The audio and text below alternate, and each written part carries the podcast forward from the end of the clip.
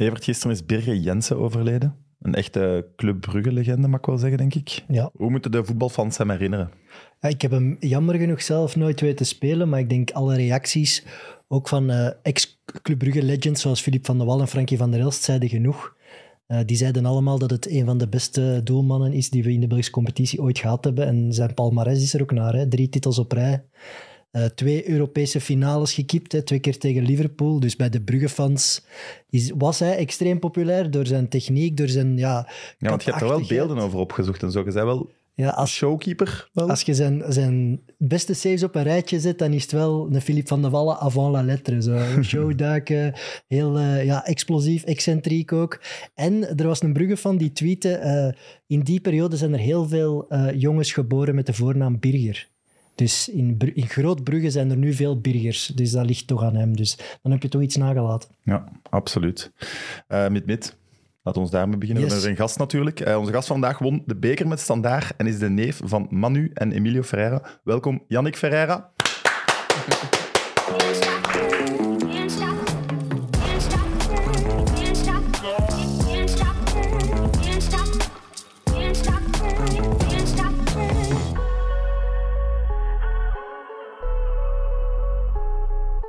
Yannick, welkom. Alles goed? Heel goed, ja, Ja? dank u. Het is nu een dikke maand geleden, denk ik, dat je ontslagen bent. Twee maanden geleden Twee maanden geleden. Is het al wat verwerkt? Het moet. Het is niet de eerste keer, jammer genoeg. En het moet. We weten dat het vaak zo is in voetbal. Ondanks het feit dat je goed of slecht werk levert, meer dan waarschijnlijk voor het einde van je contract zal je ontslagen worden. En het is ook gebeurd, dus eh, je bent al- daar altijd klaar voor eigenlijk. Het is niet plezant als het gebeurt, maar je bent er klaar voor. Dat is zo een van de weinige beroepen waar dat je met een ontslag altijd rekening houdt. Trainer zijn. Vanaf het moment als- dat je tekent. Ja, als je tekent, weet je dat je eh, eigenlijk je ontslag eh, ook tekent, maar je weet gewoon niet wanneer ze het je gaan geven. Je moet er gewoon Maar- een datum opzetten. Ja, eigenlijk wel. Maar dat dit was na drieënhalve maand, een kleine 3,5 vier maanden, ja. maanden. Ja, eigenlijk. Dat verwacht je toch on- niet? Onbegrijpelijk, want we, de ploeg stond 11e als ik aankwam. We hebben dan in 11 matchen de vierde plaats bereikt, 25 punten op 33, wat heel goed, heel mooi was. Mooi voetbal gebracht, veel clean sheets, door in de beker, in kwartfinale van de beker. En dan, eerste slechte periode, 1 op 9, ontslagen. Oké, maar is dat niet... Allez, ik wil nu niet eh, denigrerend doen over de Cypriotische competitie, maar weet je dan niet dat er daar een groot trainersverloop is? Dat dat daar kan gebeuren, dat je na twee maanden gewoon weer aan de kant gezet wordt? Ja, ik dacht wel dat deze club anders was, eh, omdat de trainer niet voor mij, maar die ervoor was twee jaar gebleven. Tuurlijk werd hij in die twee jaren ook kampioen, dus misschien daardoor is hij, is hij lang gebleven. Dus ik dacht, deze club is misschien anders. En ook, ja, natuurlijk als je met de club spreekt in het begin, eh, ze verkopen zichzelf, dat ze stabiel zijn, dat het bij hen niet gebeurt, bij anderen wel, maar bij hen niet. Je gelooft het ook. Wat, wat aantrekkelijk was toen, was dat ze nog twee matchen in Europa League hadden. En voor mij, voor mijn ervaring, mijn cv, twee matchen in Europa League, dat, is wel, dat was wel interessant. Eh, want met standaard moest ik toen de Europa League spelen, maar een paar dagen er, ervoor eh, hebben ze mij ontslagen. Dus, Maar voel je dat niet een beetje eh, in het zak gezet door de mensen van Nicosia, dat ze zich veel beter voordeden dan ze misschien wel waren als bestuur? Ja, als je je- je- trainer moet buitengooien na 3,5 maand, dan heb je het toch zelf ook Maar vooral, ik bedoel, gedaan, gaat het slecht? Oké, maar we, sto- we stonden zesde, dus in de play-offs plaats, competitie, kampioensplayoffs. En van elfde tot vierde, alleen eerste slechte moment, ik dacht, ja, het kan gebeuren, 1 op 9, je weet hoe het gaat. Het was nederlaag, gelijkspel, nederlaag. Eerste nederlaag, na een serie van vier overwinningen op rij, was het type match, ze komen twee keer in de baklijn, ze scoren twee keer. Ja. Je bent de hele, helft, eh, sorry, de hele match in, hen, in hun baklijn, je scoort maar één keer, je verliest met 2-1. En daarna is het van, ja, oké, ontslagen. Maar Dus- vloek je dat niet, want het staat wel op je cv. Dat je maar twee of drie maanden bij een club hebt gezeten. Dat Ja, maar staat on- niet goed op je cv. Natuurlijk staat het niet goed, maar ondertussen, wat kan ik doen? Dan, ik kan niet meer doen dan mijn best. En ik heb daar mijn best gedaan. Mooie prestaties. Qua punten was het ook goed. Alleen, het kan ook gebeuren. Een slechte moment. 1 op 9. Er zijn omstandigheden. En na die eerste slechte periode werd ik niet gesteund en werd ik eh eh, buiten gegooid. Maar dezelfde mensen die jou ontslaan, zeggen jou twee weken ervoor, als je na vier overwinningen op rij, je bent de beste, je hebt, je hebt deze ploeg veranderd. Zonder, eh, met jou vanaf het begin van het seizoen zouden wij nu tweede staan. En dezelfde persoon zegt tegen jou, hey, weg. Zo is het. Heb je dan eigenlijk spijt nu van je keuze? Nee, want het was een ervaring. En na elke ervaring word je beter. En na elke training eigenlijk word je beter. Dus het was een goede ervaring. Ik heb daar Het leven gewerkt. zal daar ook wel goed geweest zijn, toch? Leuven was oké. Het was natuurlijk eh, winter, maar winter en eind november eh, training geven in short en t-shirt. Dat is wel een goede winter, zou ik zeggen. dus dat, is wel, dat was wel oké. En ja, eigenlijk, ik woonde in de hoofdstad, in Nicosia. Maar de, veel spelers woonden in Larnaca. Dat is 35 minuten aan de kust. En ja, het is daar mooi leven. De, de verplaatsingen zijn niet, niet zo lang. In Saudi-Arabië is het soms twee uur vliegen om te gaan spelen. Daar is het wel een is maximum anderhalf uur rijden. En dus, maar veel spelers gaan naar deze competitie eh, als ze meer dan 32 jaar oud zijn, gewoon omdat het zonnig is. Eh, je betaalt geen belastingen en, eh, en ja, het is heel kort bij. Dus veel spelers gaan daar op het einde van hun carrière. Dat past niet eigenlijk met mijn enthousiasme, met mijn ambitie. Maar nogmaals, ik dacht, ja, met deze club kan ik Europa League spelen, twee matchen, maar toch, het is Europa League. En heb ik misschien een kans om een titel te winnen of iets te winnen en dan naar Europa te gaan. Dus ik dacht, soms is het beter van naar een lagere competitie te gaan en iets winnen, dan naar een grotere competitie en in, laag in het klassement spelen. En anoniem dacht- te blijven eigenlijk. Voilà. Ja. Dus ik dacht zo, het was tot eh, twee weken voor mijn ontslag een goede keuze. En blijkbaar was het geen goede keuze. Krijg je, zo na drie maanden, is het dan makkelijk om al je geld mee te krijgen? In, in... Het was, ze waren heel correct op dat vlak. Eh, de eerste dag van de maand wordt je, wordt je betaald. En deze ontslagpremie, het, eigenlijk als je een contract tekent als trainer, meestal staat er een, een, een clausule. Als de, als de trainer zelf vertrekt, moet hij zoveel betalen. Of als de, als de club de trainer ontslaat, moet de club zoveel betalen. En je hebt een datum. En het was, ze hadden 15 dagen om te, te betalen. Na 10 dagen was alles geregeld. Dus op dat vlak waren ze heel, heel correct. Het is niet het geval van alle clubs, Ginder, maar zij waren heel correct op dat vlak, ja. Ja, je zegt dat het is een lager niveau dan hier. Ja. Maar hoeveel lager? Wat moeten we ons voorstellen? Ah, zoals ik zei, veel, veel spelers komen naar België denkend, ik zal, mijn volgende stap zal Engeland zijn, of Italië, of Spanje. Dus eh, de Belgische competitie is goed om de spelers te voorbereiden voor een betere competitie. In, in Cyprus is het meer, ik ga daar naartoe om nu op mijn gemak te zijn. Dat is het verschil eigenlijk tussen de buitenlanders dat we hier hebben en dat ze Ginder hebben. Maar hoeveel zou Nicosia bijvoorbeeld in België eindigen? Speel die play-off 2? Play-off 1 sowieso niet. Nee. Eh play-off, vechten voor play-off 2, ja. ja. Oké. ja, Ze hebben, toch, ze hebben toch Gent eh, uit de Euro, Euro- Europa League. Eh, Maar, eh, af en toe zie je wel een Cypriotische ploeg eh, in Europa opduiken die het redelijk goed doet. Hè. Je hebt lang van Magusta gehad. ja. Eh, de, Apoel Nicosie. Apo, eh, de grote concurrent van Ja, ja. Omonia Nicosia, die, die hebben het recent nog heel goed gedaan. Ik denk Igor de Camargo eh, heeft daar echt nog goed gepresteerd. Dus af en toe is er wel een ploeg die er eh, ver doorstoot. die maar staan nu op kop, trouwens. dit blijft een klein eiland met een kleine vijver om uit te putten. Dus, sowieso, ja, sowieso, klopt, sowieso. Ja. Waar houd je nu allemaal mee bezig? Eh, ik ga teruglopen, want ik had een paar kilo's, Oké. een paar kilo's waar bijgekomen. Want als ik een club heb, ben ik heel gedisciplineerd. Ik train elke dag, ik ga lopen of ga naar de fitness of zo. En nu, de la- ja, na een ontslag ga ik meestal op vakantie. Dus je gaat op vakantie, op je gemak.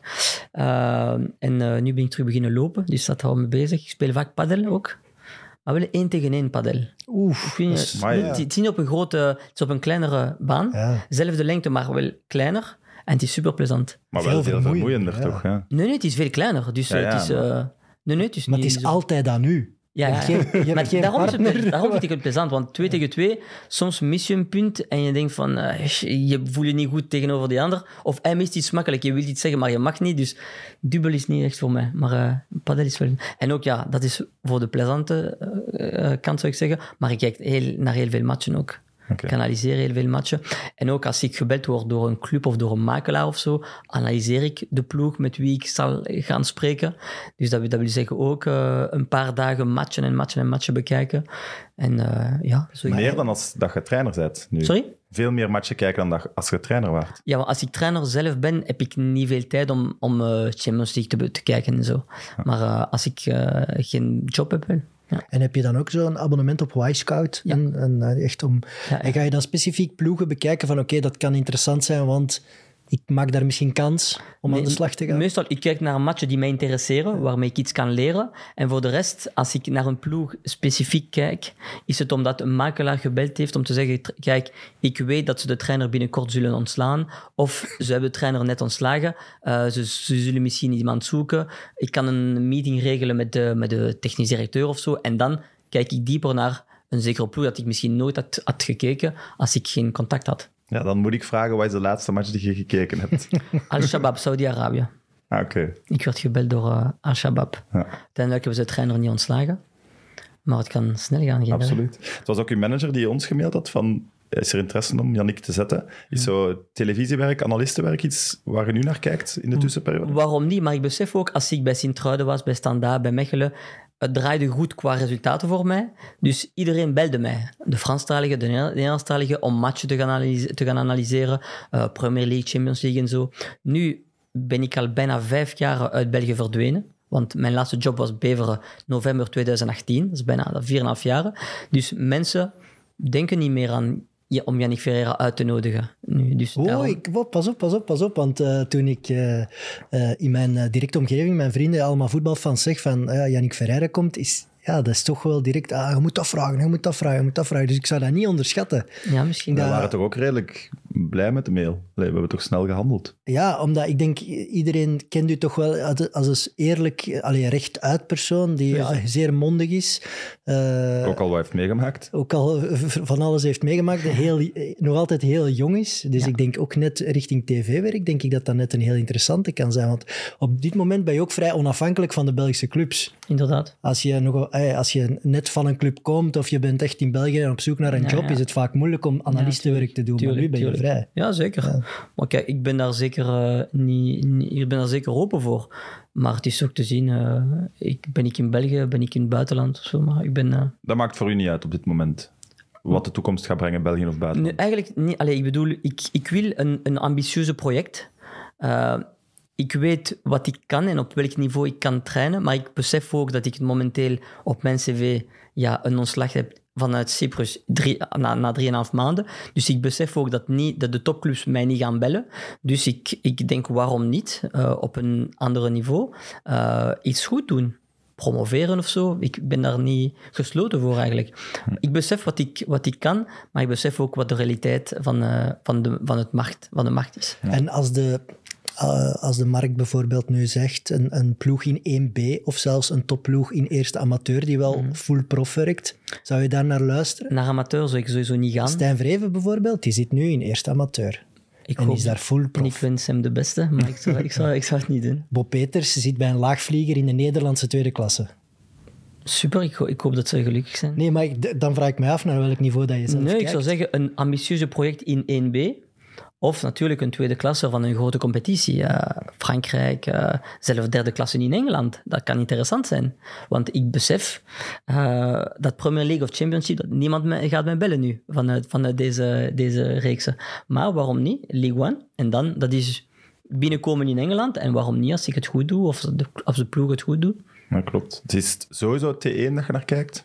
Niet, sowieso niet. Ik bedoel, ik heb altijd gezegd, ik, eh, ik heb een zekere ervaring, maar ik heb de top, top, top niveau nog nooit gekend. Dus zou ik nu eh, assistent kunnen zijn van een trainer op een heel hoog niveau, zou ik dat zeker eh, overwegen. Ja, tuurlijk. Ja, in mijn hoofd leeft eigenlijk de perceptie dat je al heel je leven trainer bent. Ik weet niet waarom, maar ik vermoed dat je ooit ook zelf gevoetbald hebt. Ja, ik heb bij de jeugd eerst bij Anderlecht gevoetbald tot mijn zestiende, dan bij KV Mechelen. Dat is toch een serieuze stap naar beneden, hè? Zo, zo, zijn er, zo zijn er wel veel die van Anderlecht naar KV komen. Ja, dus Anderlecht, dan Dender, eh, toen Dender Leeuw, en dan nog een jaar bij KV Mechelen. Dan ben ik naar Tubeke geweest, derde klasse. Eh, sorry, Waasland Beveren ook, één seizoen. Oké. Ik het was bij de reserve een paar maanden meegetraind met de eerste ploeg. Eh, dan Tubeke derde klasse en dan Lombeek Liedekerke eerste provinciaal. En als ik 22 was, op dit moment dacht ik, dat is niet wat ik... eh, ik droomde niet daarvan. Ik droomde van, eh, van WK te spelen, van op het hoogste niveau te spelen. Ik zal het meer dan waarschijnlijk niet halen. Oké, als je 22 bent, is het niet alles voorbij, maar ik zal het waarschijnlijk niet, waarschijnlijk niet halen. Dus ik dacht, waarom niet naar de trainerschap gaan? En ook, ik heb, ik heb LO gestudeerd. En ik dacht, ja, dat... dat en ik voelde, me, ik voelde me heel snel meer trainer dan speler. Ook, ook als ik speelde, was ik, was ik een leider op mondeling. Ik praatte heel veel eh, met mijn ploegmaats. En ja, ik heb dat altijd in mij gehad, denk ik. Dat hoort je wel niet veel, hè? Mensen die zo snel de klik kunnen... of zo jong de klik maken Ja, ja, naar ja, ik ga trainer worden. Maar ja, het is, ik wou... Ik, voel, ik voelde, mij, ik voelde dat, het- dat het beter voor mij was. Maar en is dat, voel- is dat pragmatisch omdat je denkt van oké, hoe jonger ik aan mijn trainersdiploma's begin, hoe hoger ik kan geraken?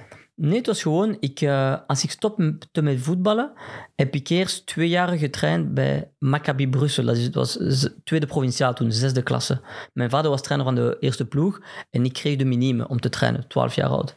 En ik, ik voelde dat ik die kinderen heel snel kon, beter kon maken door een zekere coaching, door zekere oefeningen. En ik dacht, ik kan dat wel doen op een betere niveau. Dan ging ik naar Anderlecht en ik heb dat inderdaad kunnen doen, eh, zes jaar lang. En dan dacht ik, oké, als ik bij Anderlecht niet de U21 of, of U19 kan trainen of zo, want dat was toen niet de politiek van de club, het was ex-spelers die meestal deze ploeg kregen, dan dacht ik, ja, ik, ik zou beter vertrekken. Een paar maanden later ben ik, eh, ben ik vertrokken bij Anderlecht. Maar het is toch al zot om op je 24ste bij Anderlecht Ja. gewoon maar een kans te krijgen. Ja, het was bij de, toen bij de provinciale jeugd, één jaar, en dan vijf jaar in Neerpede. Maar Dus ik had daar omdat je daar heel goed gewerkt had en omdat ze dan zagen van, oh, daar zit wel iets in. Jannik Verheyen. misschien, misschien. Maar ik heb al- altijd goede contact gehad met de mensen van Anderlecht toen. En, eh, en ja, ik was heel, heel gedreven. Ik was heel... allee, ik bereidde mijn trainingen voor. Echt... eh, had- m- vraag ook aan de spelers. Alles was echt voorbereiden. En ze, ik leefde dat. Ik was eigenlijk... Ik had, voor mij had ik een professionele ploeg. Zo nam ik het. Ik was LO-leraar, eh, twee jaar lang. Maar ja, het meest belangrijk voor mij was... eh, Anderlecht was mijn ploeg. De, de- ze beter maken. Welke leeftijd had je bij Anderlecht? Tussen hoogste. U11 en U15 heb ik gehad. Oké. Eén keer U11, dan 15, 14, 12, 14. Zaten er spelers tussen die we moeten kennen? Zeker, sommigen staan hier op de muur trouwens. Eh Romelu Lukaku, eh Januzaj, eh Tielemans, Batshuayi, Den Donker. En anderen die, die geen Rode Duivel zijn, maar die, die in België spelen. Roef bijvoorbeeld ook. Davy Roef. een zotte ploeg. Nee, echt. Ik weet niet, de lichting van 94 was ongelooflijk sterk.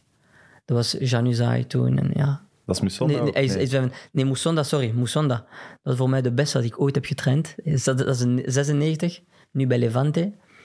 Eh, dan is hij bij Chelsea vertrokken, maar ik was toen al vertrokken. Ik heb, eh, Maar Moussonda bijvoorbeeld, dat is iets dat heel vaak aan uw naam gelinkt wordt, omdat jij heel snel ook altijd had gezegd, als die het niet maakt, dan klopt er niets meer aan het voetbal. ja, nee, nee, maar hij was gewoon...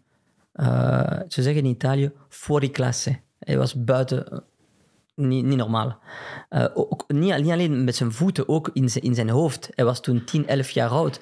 En ik zag hoe hij zich klaar maakte voor een match. Zichzelf alleen soms, zo met de bal. En, hij was gewoon, en als de match begon, was hij gewoon een andere persoon. Een leider. En als ik de U15 trainde, hij was toen nog U13, maar zijn broer speelde bij mij. Zijn, eh, Tika noemde hij. Die heeft wel in de eerste ploeg van gezeten, hè? Die Eh Lamisha misschien, de oudste. Lamisha, nee, nee, Dus Lamisha werd Tika en ja. Charlie. En, en Tika speelde bij mij. En soms kwam hij naar de training kijken als hij geen training had. En ik, eh, ik zei, oké, kom meedoen op training. hij was U13. En hij maakte soms sommige van de spelers gek met zijn dribbles. Hij was gewoon matuurder. Eh, ja, en hij heeft natuurlijk nu heel veel blessures gehad. Jammer genoeg de laatste jaren, de voorbije jaren. Maar ik hoop wel dat hij ooit het niveau behaalt dat hij, ja, dat hij kan behalen. Kan dat nog, denk je? Ja, zeker. Zou de gekste, allee, de zotste comeback ooit zijn, ja. toch? Hij is nog maar ze- 26, denk ik. Ja, al Ja, dat wel, 26. Ja, maar, ja, maar hij heeft nog misschien nee. 10 jaar voor hem. Ja, maar als hij heeft, geen mis- kwets- hij als heeft hij misschien nog geen blessure- 100 professionele matchen gespeeld. Nee, nog niet. Nee. Maar Nee, zeker niet. wat hij heeft, hij is nu, nu bij Levante ook vaak gekwetst. En nu is, heeft, hij, heeft hij voor de eerste keer, in, eerste keer in vijf jaar een match gestart. Vorige week was het, denk ik. En ja, hij heeft gewoon iets. Ik hoop dat, dat hij dat ooit kan bewijzen. Maar Veel mensen verwijten hem wel de keuze dat hij zo snel, mogelijk is, allee, zo snel is weggegaan bij Anderlecht. anderen, is, eigenlijk- anderen zijn ook vertrokken. Ja, Hazard is ook vert- jong Januzaj. vertrokken van België. maar eigenlijk heeft hij gewoon pech gehad met blessures, toch? Ik denk het wel, ja. Denk het ook. Want het, was, het waren altijd sleutelmomenten eh, dat hij, dat hij gekwetst was. Hij moest net spelen, of hij, had, hij was lang gekwetst, dan kwam hij terug, dan had hij covid. Of er was altijd net iets op het slechte moment. Ja, Jammer. ik herinner me Vitesse. Ja. Werd hij niet uitgeleend aan Vitesse? Ja, ja. In de, een van de eerste weken daar. Ja. Heel Als je, als je met Lukaku, Moussonda, Januzaj werkt, kan je die als jeugdtrainer beter maken? Is dat niet gewoon talent, intrinsiek talent? Ja, en amuseren jullie? En... ja, ze moeten nog veel leren. Ik bedoel, als, als je 14 bent, je kan supergroot talent hebben, je moet nog iets leren. En als het niet is over voetbal, natuurlijk over voetbal moet je veel leren, maar ook vooral qua attitude, qua discipline, qua hoe je professioneel moet worden. Want Lukaku is eh, heel jong professioneel geworden. Hij was 16 als hij zijn eerste match speelde. Dus heel jong moest hij beseffen wat het is om professioneel te zijn. Maar nee, ik heb de pretentie niet van te zeggen ik heb deze spelers gemaakt. Maar ik heb misschien 1% of 2% ervoor gezorgd dat ze beter werden. En daar ben ik heel fier op, ja. Maar ja, bijvoorbeeld zo'n Lukaku, ik vermoed dat dat wel moeilijk is om in de jeugd te werken. Omdat hij daar nog veel sterker was dan... goed is. Ja, Ja. veel sterker dan zijn hij- hij- tegenstander. Hij is aangekomen, eh, hij, hij moest normaal bij mijn ploeg spelen bij de U14, maar hij ging, hij ging rechtstreeks naar de U16. Dus hij werd twee categorieën eh, verhoogd. En hij, hij was daar de topschutter van de reeks in U16 toen hij nog mm, 13 of 14 jaar was. En, eh, en hij was wel bij de U14 gekomen voor de toernooien, de toernooien na, op het einde van het seizoen. Want de filosofie Anderlecht- winnen. Nee, nee, maar de filosofie van Anderlecht toen was, in de competitie moet iedereen spelen. Je hebt een kern van, ik weet niet, 17 spelers. Je mag er 15 meenemen. De 15 moeten spelen, minimum 40% van de speeltijd. Dat is wel goed om, om, om te leren. En het gaat niet om te winnen, het gaat om te leren en beter te spelen. Voor de toernooien, de laatste twee maanden van het seizoen, is het wel prestige. We moeten gaan winnen. We moeten aan Europa tonen wie we zijn. En Lukaku had geen toernooien met zijn ploeg en hij was wel met ons komen spelen. Het was gewoon ja, ongelooflijk. Ja, dat lijkt me belachelijk. Ja. Ja, ja, maar gewoon maar, maar hij was zo gemotiveerd bij de U16 als bij de U14. En op een zeker moment, er was een project bij Anderlecht, eh Sint, bij, bij de Sint-Niklaas-school, Purple Pur- Talent. Purple ja. ja. En ik trainde daar de, de, de jongeren, de, de, tussen 12 en, en, en, 16 en 18 jaar oud. Lukaku was toen, het was net voordat hij naar de eerste ploeg ging, het was, hij was 15, bijna, bijna 16, 16. ja. Ja. Soms deden we een matchje zo om te lachen, een mix van iedereen. Hij scoorde, hij, hij scoorde soms tegen U12-spelers. Hij was zo blij, hij, hij, hij deed dat zo graag. Ik bedoel, hij wou scoren, dat was zijn ding. En hij, hij vierde hetzelfde. Ja, ja, het was, ja. eigenlijk wel. Dus dat was mooi om te zien. Het was een mooi voorbeeld om te zeggen, kijk, hij dacht niet, "Pff, ik ben te goed voor die kinderen. Nee, nee, ik wil de beste zijn, ik wil scoren, ik wil, ik wil winnen. En ik ben helemaal niet verbaasd als ik zie wat hij allemaal eh, gepresteerd heeft tot nu Nee, toe. hij lijkt me ook super leergierig. Ja. Ja, hij zal... Allee, ik heb hem nu al een, een paar jaren niet meer gehoord, maar hij is altijd zo bescheiden... Bescheiden, bescheiden? Ja. Bescheiden, Bescheiden gebleven. Ongelooflijk. Hij is altijd zo... Ja, normaal gebleven. En veel van die gasten... Ja? dus- ja, veel van die gasten. Want bijvoorbeeld over een Januzaj, Ja, was in de jeugd ook bij de allergrootste van de wereld, denk ik, in zijn leeftijdscategorie. Daar hoorde je wel van toen hij die, zo net die leeftijd had, moeilijkere jongen om mee om te niet gaan. moeilijker jongen. Hij, was, Nee? hij speelde één jaar hoger. En het was niet makkelijk, want hij was, niet, hij was redelijk klein, niet zo sterk nog, want één jaar verschil kan een groot verschil zijn op, die, op deze leeftijd, op fysieke vlak. En, en soms, allee, hij was heel zelfzeker en de grotere dachten, ja, soms dachten hij, wie denk je dat je bent? Maar toch, hij was mentaal heel sterk. Januzaj. En werkethiek ook dan. ja, ja. Werkethiek ook. Ja, het was allemaal. allemaal. En een voorbeeld, de, de, de zaterdag was er, was er, was er een match. En de zondag gaf ik een extra training op de club voor de spelers die weinig of niet hadden gespeeld. Maar iedereen was welkom om te komen. Januzaj speelde elke match op de zaterdag. Maar elke zondag stond hij op training ook. Hij moest niet, maar hij wou komen trainen. Hij wou beter worden. Dus qua mentaliteit waren, waren deze gasten helemaal... eh, ja, Batshuayi ook? Batshuayi, ik heb hem maar één jaar gehad. Hij heeft maar één jaar doorgebracht bij Anderlecht, bij de U14. Ik kwam van eh, Molenbeek, Brussels toen, ja. En ehm, op disciplinaire vlak was het niet zo makkelijk met hem, maar hij was wel... Ja, hij had honger. Die kinderen die hadden honger. En dat is iets dat ik nu... Ik train de, de jeugd nu niet meer, de professionele wel. Ik ben begonnen elf jaar geleden bij Charleroi. En ik zie nu na elf jaar een groot verschil bij de spelers die ik ben gemotiveerd, ik moet het maken, ik moet... Nu is het een heel generatie. Is het heel anders geworden. De spelers die... Heel veel spelers die, die zijn... Aan, e- één, die zijn twee in, in hun hoofd. Eén is de eh, social media, Instagram, en ik heb eh 20.000 volgers. En de andere is de speler die, die wil presteren. En soms zijn ze met twee in één speler en je denkt van, hé hey man, je moet hier hard werken, hè? Je, moet, eh, eh, je, je moet vechten om je plaats te hebben. Hè? Maar er zijn 20.000 mensen die tegen dezelfde speler zeggen, de trainer kent er niks van, jij moet spelen, ik weet ja, niet waarom je niet speelt. Het is veel makkelijker om naar deze mensen te luisteren dan naar de trainer die tegen jou zegt, nee, nee, nee, man, je moet werken, je moet lopen. En we zijn nu gekomen tot een, op een moment dat het is soms moeilijk om te, niet moeilijk om te handelen, maar ik bedoel, eh, je moet de spelers helemaal anders aanpakken dan 11 jaar geleden. En dan 15 jaar geleden, als ik die, die jonge spelers trainde. Ja, maar ja, als nu een jeugdspeler van een waanzinnige goal maakt, mag u elf Amai. zijn. De wereld heeft het gezien. De wereld heeft Ja. het gezien. Ja, ja. Maar Terwijl die kan eigenlijk een slechte match spelen en dan gaat Ja, de perceptie zijn van wow, wat- wat een wereldtalent. En direct allemaal berichten, comments daaronder. Wauw, Ja, ja. eh, jij bent het grootste talent ooit. Dit, dat, ja. M- Maar soms kan het ook helpen. Ik bedoel, dat is een fout dat ik misschien gemaakt heb als trainer. Want ik werd, in, als ik 34 was, kampioen in tweede klasse. We promoveren, superstart. We, we, wij verslaan eh, Club Brugge, Genk. Ik ga naar Standaard. We winnen de beker. Dus op 11 maanden tijd win ik een titel in tweede klas, klas en de beker. Doe, ik dan, doe een trainer van 35 jaar dat nu, met social media, heel Europa weet het. Ik heb mezelf niet... Ik, ik was toen niet op Instagram en Twitter en zo. Ik heb daar nooit iets mee gemaakt. Ha- Had ik het gedaan, had ik misschien een, een carrière nu. Ja, maar je had, Ja, toch, bijvoorbeeld- je had ook wel een aura rond u toen, hoor. Wat bedoel je? Ook zonder sociale ja, je media wel werd de, het wel... de hot trainer, ja. toch? Ja. Het werd wel ook in de zijn pers veranderen, uitgespeeld. Kan zijn veranderd. Maar ik had snap wel wat je bedoelt, want Ja. Wil Stil is daar nu een voorbeeld van. Helemaal. Hij zet een reeks neer, heel de wereld, zijn verhaal van voetbalmanager Ja, ja. ook. Ja, Hij heeft maar dat- zelf wel ontkracht nu. Maar... Dat doet hij zelf dan niet. Het zijn andere mensen die zijn verhaal optekenen Ja, ja, en zoveel ja. accounts maken dat dat nog Ja, ja. honderdduizend keer groter. Dat is wel waar. Ja. Uw verhaal, zelfs als je het zelf niet doet, het wordt meer opgeklopt dan tien jaar Ja. geleden. Dat is zeker waar. Ja, en ze gaan echt op zoek naar zo die, die uitzonderingen. Ja, ja, ja. Want dan hadden ze bij u gezegd, eh, ex-trainer van Lukaku, Januzaj, eh haalt nu titel en beker. En puur door die name dropping Ja, ja. had hij vele groter Voilà, ja. gemaakt. Maar dit Ja. had misschien kunnen gebeuren. Had ik de Europa League gespeeld met Standaard. Eerste match tegen Celta Vigo. Wow, de die jonge trainer, 35. Hij spreekt ook Spaans en zo in Spaanse ja, media. ja. Iedereen had gezegd, wie is deze gast? Ja. Maar negen dagen voor het begin van de Europa League, buiten. Ik had- Eh, dus, eh, Ik had nog één klein vraagje over de Anderlecht-jeugd. Omdat het figuur van ja, eh, de laatste interlandperiode was Luc Bakio. Maar heb je die gehad? nee, Ah, nee. die persoon, nee, nee. Ik heb het niet, niet gehad. Die is ben- nog jonger, hè? Is die? Ah, Ja, ja, een pak jonger. Oh, De jongste dat ik heb gehad waren de 96. En Tielemans heb ik gehad. Hij was 97, maar hij trainde heel vaak een categorie hoger. Hm. Of ik kwam mee voor de toernooien en zo. Dus eh, Na zes jaar Anderlecht trekt je naar Gent. ja, Waarom? eigenlijk, eh, ik vertrok bij Anderlecht in maart, begin maart.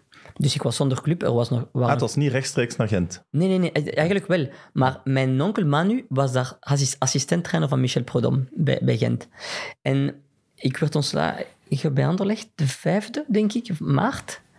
En de 20 maart, ik weet nog, mijn onkel belt mij en zegt: Ah, kan je hier zijn binnen een uurtje? Michel wil wil met jou praten. Michel Prodom. Tuurlijk. Eh, ik rijd naar Gent. Patinage. Ja, en, eh, en, en, en Michel zegt tegen mij, kijk, eh, we spelen de bekerfinale, we zijn geplaatst voor de bekerfinale.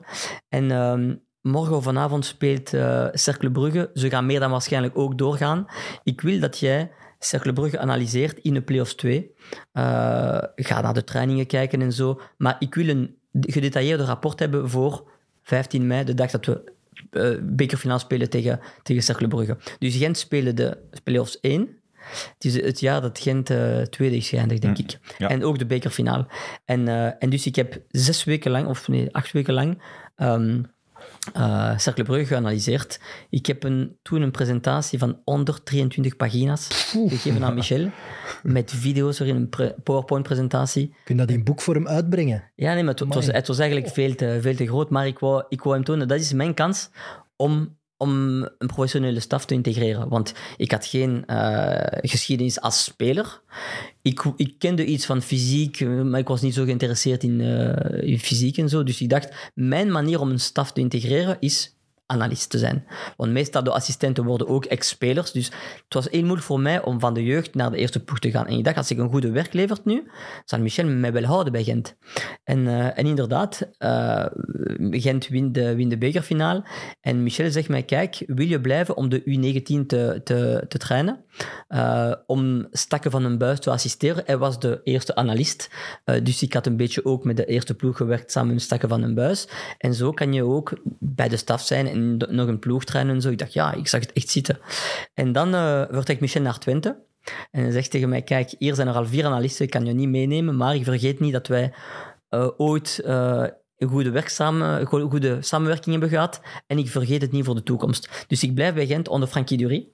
Eén jaar. Eh, dit seizoen speelde de club eerst kwalificatie van Champions League, maar uitgeschakeld tegen Dynamo Kiev, denk ik.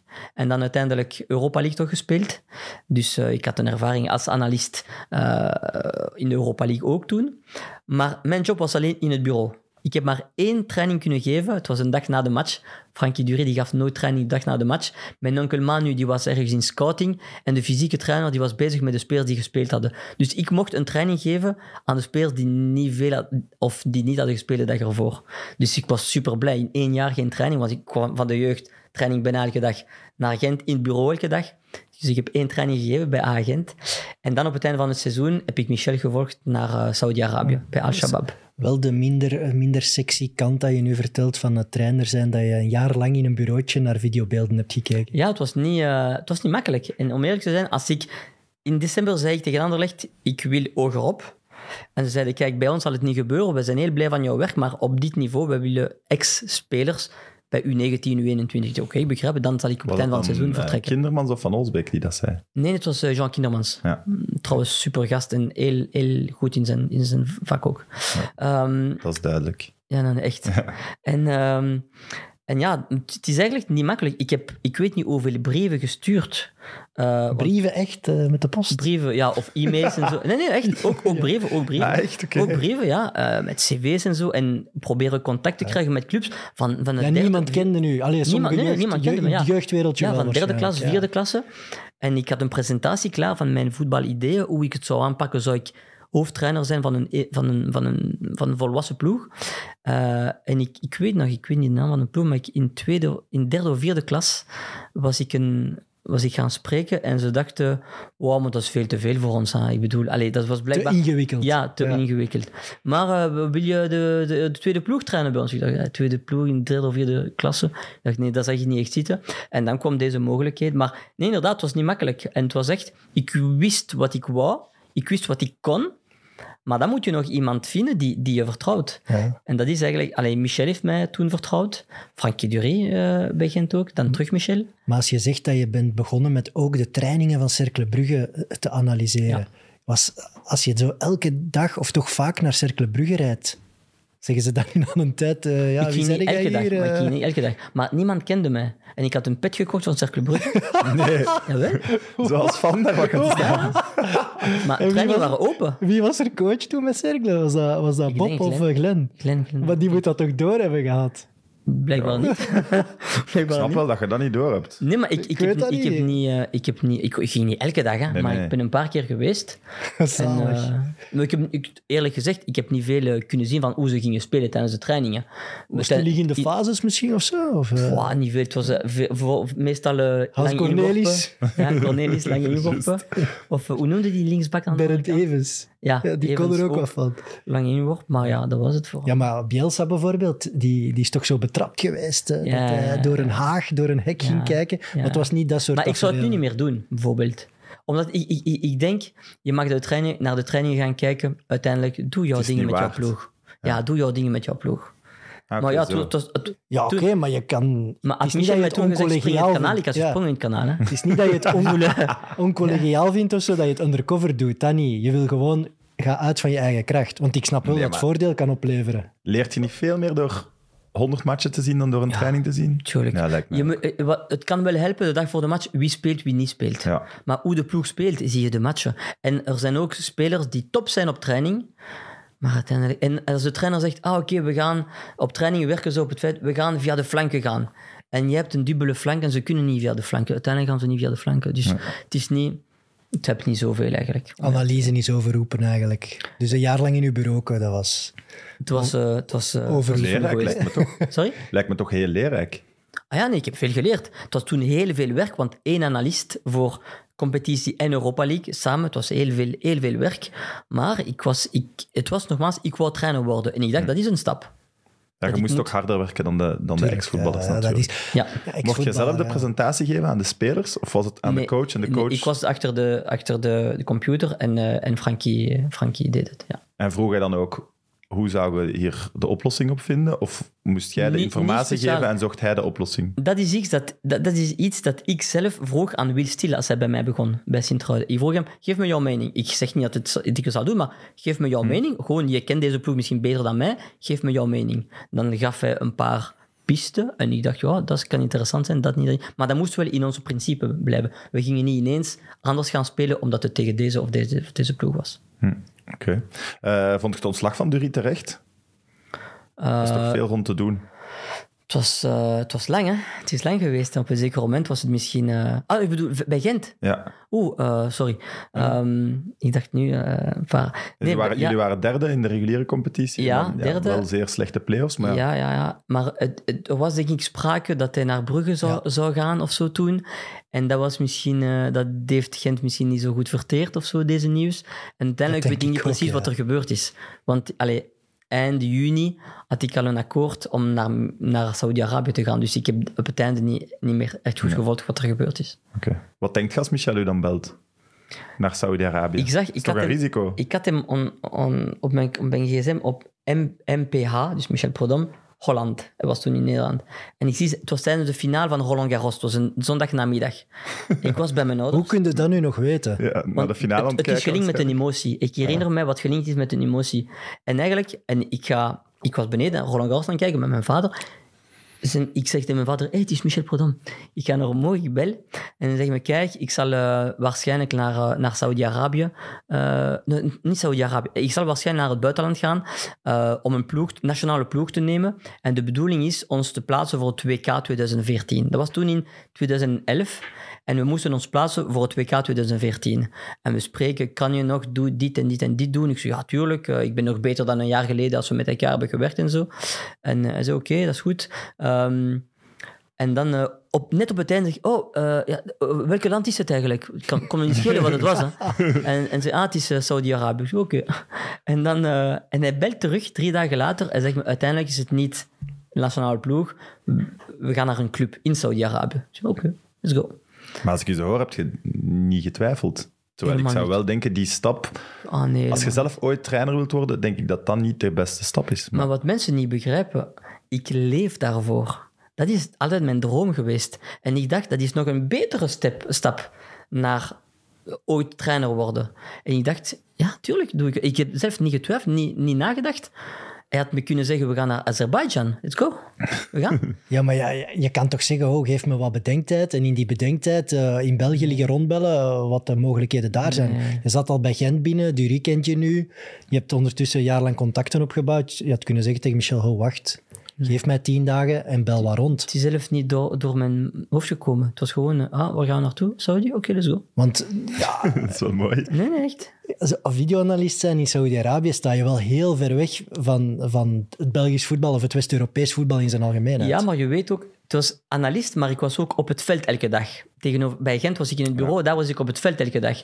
En Emilio, mijn onkel, die was daar assistent-trainer van Michel. En Emilio, er zijn sommige zaken dat hij niet graag geeft of doet als trainer. Dat mocht ik wel nemen. Een passingvorm of zo, of een rondo of zo. En ik mocht, dat, ik, ik kon een professionele ploeg trainen. Dus sommige kleine delen of iets klein met een paar spelers Dus na de ook als job was het wel een niveau. ja, ja, ja. En ook, ja, het was met, met Michel Prudhomme. En ik dacht ook, als ik een paar jaar met Michel kan blijven, is dat ook goed voor mijn cv. Dus ik dacht, ik had geen probleem om hem één, één waar te volgen. Zou jij mij ook zo blindelings overal naartoe volgen? Maar ik denk dat het, eh, de, de check van Saudi-Arabië ook niet verkeerd zal zijn, toch? Want dat is wat dan iedereen zegt. Ja, je gaat naar daar voor het geld. Michel gaat naar daar voor het geld en zijn assistenten dan ook waarschijnlijk. Ik had toen 6250 per maand, netto. Ja, dat, dat die- dat niet, goed, veel, hè? niet veel assistenten hebben dat in eerste klas in Voilà. België, om eerlijk te zijn. Netto, hè. Ja. Dus ja, het was natuurlijk op financiële vlak ook goed. Maar nogmaals, hij had mij kunnen zeggen, we gaan naar... eh, ik weet niet waar, we gaan... eh, ik had hem gevolgd. Zonder te twijfelen. Eh, hoe kom je daarna bij Charleroi terecht? We, Want na zeg je één- 32 jaar. 31. 31 Ja, jaar. we, we, spelen, dus we, spelen, we spelen kampioen. Eén seizoen in Saudi-Arabië zonder geen enkel match te verliezen. Prachtige foto heb ik daar net nog van gezien. Zo jong dat je was. Ja, ja. Ik had nog, eh, nog niet getraind, nog niet, geen grijs haar. Prachtige foto. Sommige spelers, ik kan je zeggen wie grijs haar daar en wie grijs haar Maar daar. ja, echt, je lijkt op die foto ook een speler. Ja, ah ja. Ja, dat- ik vind Maar dat- ik, ik was toen 30, 31 jaar. En dus eigenlijk, we zijn kampioen en we hebben, denk ik, één maand eh, vrije tijd, vakantie. Ik kom hier terug en een paar dagen voordat we naar Saudi-Arabië terug moeten vliegen, een gast met wie ik toen gespeeld heb bij Anderlecht en een andere gast met wie ik in Lombeek, Liedekerk gespeeld heb, die kenden elkaar. Die zeggen ah, we kennen Abbas Bayat bij Charleroi. Ze hebben nog altijd geen trainer. Zou je geïnteresseerd zijn? Ja, maar ik ben nog altijd... We hadden een nieuw contract getekend bij, Al-Shabaab voor drie jaar nog. Ik dacht, ja, maar ik heb nog drie jaar contract en zo. Ik zei, ja, maar maak je een presentatie? Wie weet. Oké. Ik zeg tegen Michel, ja, ik kan... eh, hij zegt, kijk, eh, allez, je bent bij ons, maar eh, doe wat je wil, maar wij vertrekken binnenkort eh, terug naar Saudi-Arabië. Ik, ga, ik doe Geloofde die... hem er dan niet in? Of Sorry? Sorry? geloofde hem dan niet dat je het ging krijgen, de job? Of Nee, nee, maar hij, hij- Nee. hij had me toen ook gezegd: is het een, een, eh, een ambitieuze tweede klasse? Ja, maar Charleroi toen, die promoveerde net van tweede naar eerste. Abbas Bayat, die had geen goede reputatie. Dus hij zei me, dat is wel een, eh, het kan wel een moeilijke, moeilijke zaak, Ja. ris- eh, een groot risico Ja, want zijn. in tweede klas het jaar ervoor denk ik is ze drie, vier trainers hebben gehad om toch Ja, maar ja. over te gaan. Dus, Zoiets, eh, zoiets, ja. En Van Wijk een is carousel? kampioen en Ja. wou niet blijven en zo. Dus, Ja. ja. En, ehm, en ik ga spreken met Abbas Bayat. Eh, hij vindt het heel interessant, ik ook. Maar hij neemt geen beslissing. Oké, ik ga terug naar Saoedi. We starten het seizoen. Twee weken in Saoedi, voordat we terug naar België komen voor een stage. En dus 15 dagen in Saoedi. Ik hoor niks van mijn vrienden, van Charleroi, niks. Maar ik blijf volgen in de pers. We hebben nog altijd geen trainer. Oké. We komen in, in Genk. We beginnen aan onze, stage. Drie weken of één maand in Genk, denk ik. En ehm, na een paar dagen belt mijn vriend. Ah, kijk, ze hebben nog altijd geen trainer. Hij wil je nog eens zien. Ik dacht, wow. Eén namiddag vrij zonder training. Ik rij van Genk naar Brussel. Ik zie Abbas tweede keer. Nog altijd geen beslissing. Derde dan, voel, keer. dan voelt je wel, je bent niet plan A op dat moment. Hè? Helemaal, ja, weet ik. Maar nogmaals, zelf zou ik plan Z zijn. Als ik deze job krijg, ben ik de jongste ooit, 31 jaar oud. En dat is mijn kans om te starten als professionele trainer. In eerste klasse, stel je voor. Ik was, ik was bereid om naar derde klasse te gaan. En ik kan nu in eerste klasse misschien beginnen. Derde keer terug. Naar, naar, eh, en dan beslist hij, oké, we gaan u een kans geven. Eh, we geven zoveel per maand. Ik kan me niet schelen. En, eh, minder dan 6.250 ja, ja, euro. minder, ja, minder. Ik heb gelezen 2000, maar Nee, 5000 bruto. ja. Zonder premies, zonder, en met een auto. Ja, zoiets. Maar hey, ik had het gezegd voor, ik had het gedaan, gedaan voor niks. Het was mijn kans om te... Ja, is verhuizen- wel, moet ik zeggen, droom. zo, je eerste job is wel een hele belangrijke. Want als het daarna ook weer na 3,5 maanden Maar zo zou mislopen, dan kun je wel in de vergeetput belanden. Ja, ja, maar dat, dat was een super groot risico. Mijn vader was daar niet tevreden mee trouwens, want ik had drie jaar contract bij Al-Shabaab. Ondertussen ook Goed betere geld. salaris, want betere contract. Ja. Mijn vader die dacht, blijf met Michel Prodom. Je, hebt altijd een job. De ouders die zien het anders. Die willen gewoon dat we een job hebben. ik had een droom. Ik volgde mijn droom. En dus ik zeg tegen Michel, kijk, ik kan nu, het is of ik kan naar Charleroi Maar ik gaan. begrijp dat wel. Op die leeftijd een job aangeboden krijgen in eerste klasse. Dat jij verdient op dat moment niet 6000 euro netto, drie jaar zekerheid. Je kunt met Predom nog weet ik veel naar wat. Eh, Ik vind het echt superveel respect. Super ik zou het nooit doen. Maar kijk, maar het, Eerste het, klasse. Charleroi. hoofdtrainer. Nee, maar kijk- Charleroi, Abbas Bayat, Sleeping Giant. 6000 netto achterlaten. Ja, maar kijk, het- het is, het is zo dat... Dus ik, ik zei tegen Michel, Michel, nu kan ik gaan. Hij zegt, je moet sowieso zo snel mogelijk iemand vinden om, om jouw job over te nemen. Eh, ik vond toen Moussa El Habshi, die nu... hij was toen bij bij, Marokko en nu bij Marokko zit. Ja. Dus hij heeft mijn job overgenomen. Dus jij moest een vervanger zoeken voor jezelf. Ja, en ik moest ook... Ik heb veel moeten betalen om, om uit 60.000 euro heb ik gelezen. 63, ja. Ja. Heb je dat zelf betaald? Ja, eigenlijk, ik heb een, de, een premie moeten teruggeven dat ik niet gestort had gekregen. Plus een maand salaris dat ik heb moeten laten vallen. Dus dat is totaal 63.000 euro. Maar, Oké, dan ben je wel een beetje gek. nee, kijk, sowieso, sowieso. Maar zonder zo gek te zijn, heb ik, geen carrière, heb ik misschien geen carrière als Dat weet je niet. En de, het risico was, Dat weet je niet. word ik ontslagen na drie weken, zou, zou iedereen zeggen, maar die, die, die jongen is gewoon gek. Ja. Hij laat dit vallen om een ris- riskante job te krijgen bij Charleroi. Het goede kant is, ik werd niet ontslagen, maar na vijf weken heeft Abbas Bayat de club ge- ge- gekocht. Verkocht. Verkocht, sorry, Verkocht, ja, verkocht, sorry, ja. ja, verkocht. Aan eh, Fabien Lebec, denk Ja. ik. En Mehdi Bayat is de eh, grote man geworden bij, bij Charleroi toen. Hij moest mij niet hebben, zijn onkel had mij aangeworven. Tuurlijk, ja. Maar- er was beef in de familie toen, Ja, dat wist je. Voilà, maar Dat was al bezig. maar toen, ik ben toch gebleven. En als we zeker waren van promotie, vijf matchen, vijf, na 25 speeldagen, dat was wel een mooie prestatie, vond ik. We stonden elfde, zo, zo goed als gered. Voor een promovendus was dat. ja, was dat zeker en oké, voor een trainer, ik had twee weken voorbereiding gehad, want ik ben aangekomen bij Charleroi. En geen transfer. Geen transfer, twee weken voor de eerste match op Mechelen. We gaan verliezen met 4-2 trouwens bij Mechelen. En, en, en eh, ja, het was een mooie prestatie. En ik had toen een, eh, een akkefietje met, eh, met het bestuur. En ik dacht, ik zal zelf vertrekken. Ik heb mijn job gedaan. Punt. Ik, ik ben weg. Ik, ik ga niet akkoord dat de mensen mij zo mij niet respecteren of Je mij bent zo... zelf weggegaan. Ja, zelf weggaan met Maar in, in februari, hè? Dus Ja, vanaf het moment dat je 14 gered februari. werd, eigenlijk een week, twee weken daarna... Ik ben weg. Een paar dagen daarna. Een paar dagen daarna. We waren gered de zaterdag en de donderdag heb ik, eh, werd ik... eh, Op Valentijn. En, en dan ben ik bij Sint-Truiden beland, twee maanden later. Maar ik had, ik had- is dat dan met ruzie met Bayat wel gegaan? Ja, het was, het was geen, eh was geen, niet hartelijk. geen fijne gesprek. Ja. Maar vertrek toch niet... Je hebt, nog, je hebt nog x aantal wedstrijden te gaan. Is toch ongezien? Een Ja, het dat, dat is ook een gekke beslissing. Van hoe kan die kind, dat, deze kind, die nu een kans krijgt, die het goed doet, hij vertrekt, hij vertrekt, hij vertrekt zelf. Ja, die moeten nu echt een eikel vinden op dit moment, toch? De Bayats. Ja, maar ik, nee, nee, erna, de Bayat, het was alleen, het was alleen media. Ja. Want de Moji die had niks te maken met de club, en niet dat ik, niet dat ik wist. En eh, nee, nee, maar ik heb, ik heb Mehdi nog een paar keer gezien. En ik, eh, Hij ik heeft het heb u vergeven? Of hij vond het goed dat je Ah, nee, zelf ik- vertrok? Misschien. Ja. Misschien, het was- misschien was, het, was het beter voor iedereen. Maar toen, ik denk dat het de, be- de beste keuze was. Ik ben eh, trouw gebleven aan mijn waarden. Ik, ik heb sommige waarden, ik heb een zekere opvoeding. En sommige zaken mag ik niet of wil ik niet accepteren. En wat was dat dan, wat je niet kon accepteren? Nee, het was de, de, de manier waarop hij tegen mij sprak toen.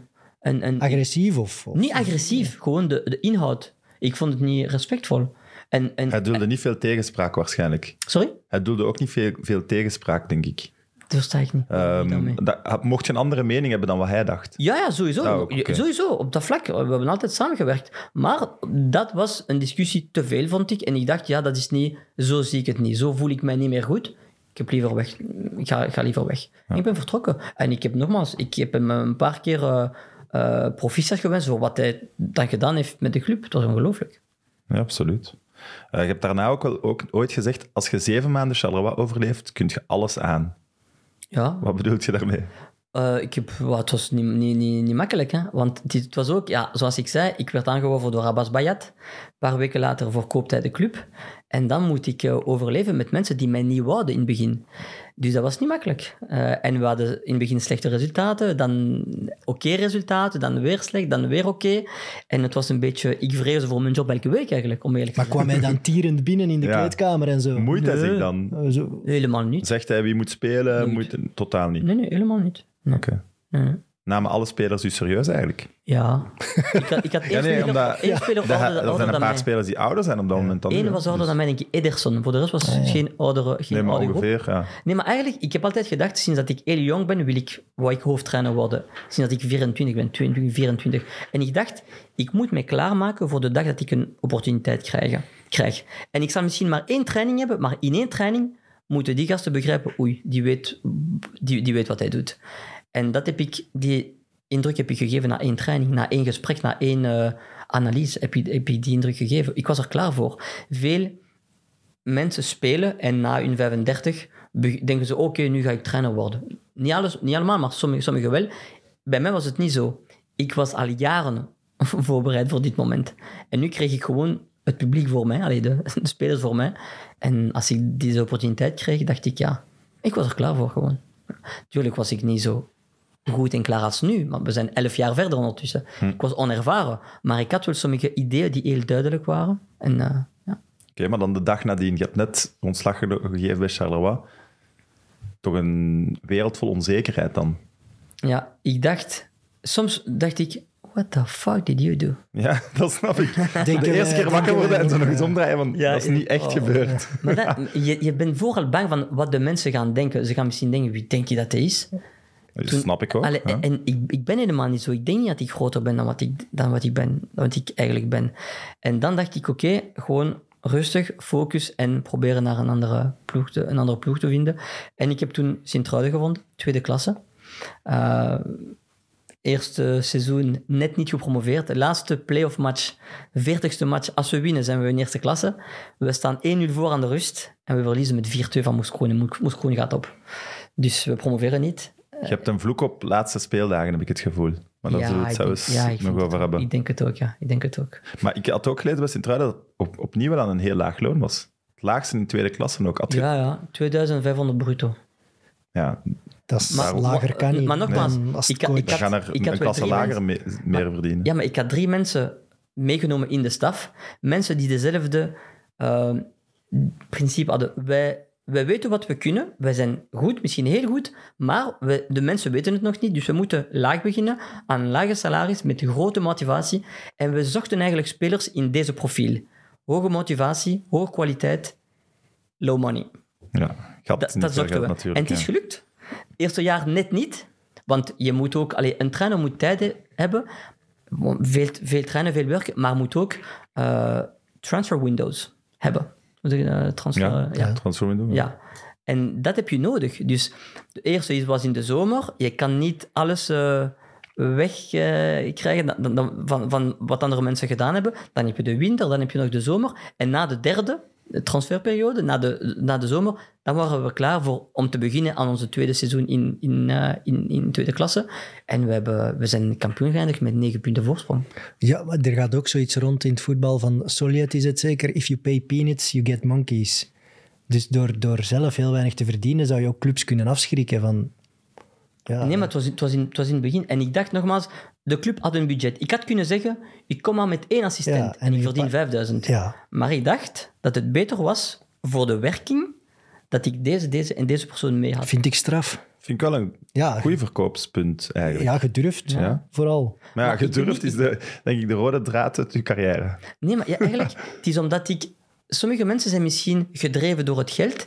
Voor mij is geld niet de consequentie, is, is geld de consequentie van je goede werk. Het is niet de oorzaak. Ik werk niet in het voetbal omdat er geld is in het voetbal.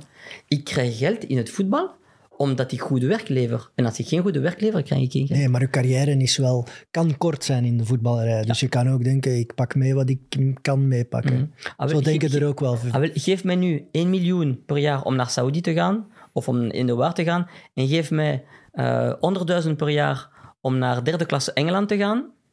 Je weet waar ik ga. 1 Engeland. miljoen. dat is het net. Dat is het net. Nee, naar Saudi-Arabië ga ik ooit graag terug, want het is een super. eh, ik, ik had het daar heel, het was daar heel goed en, en zo.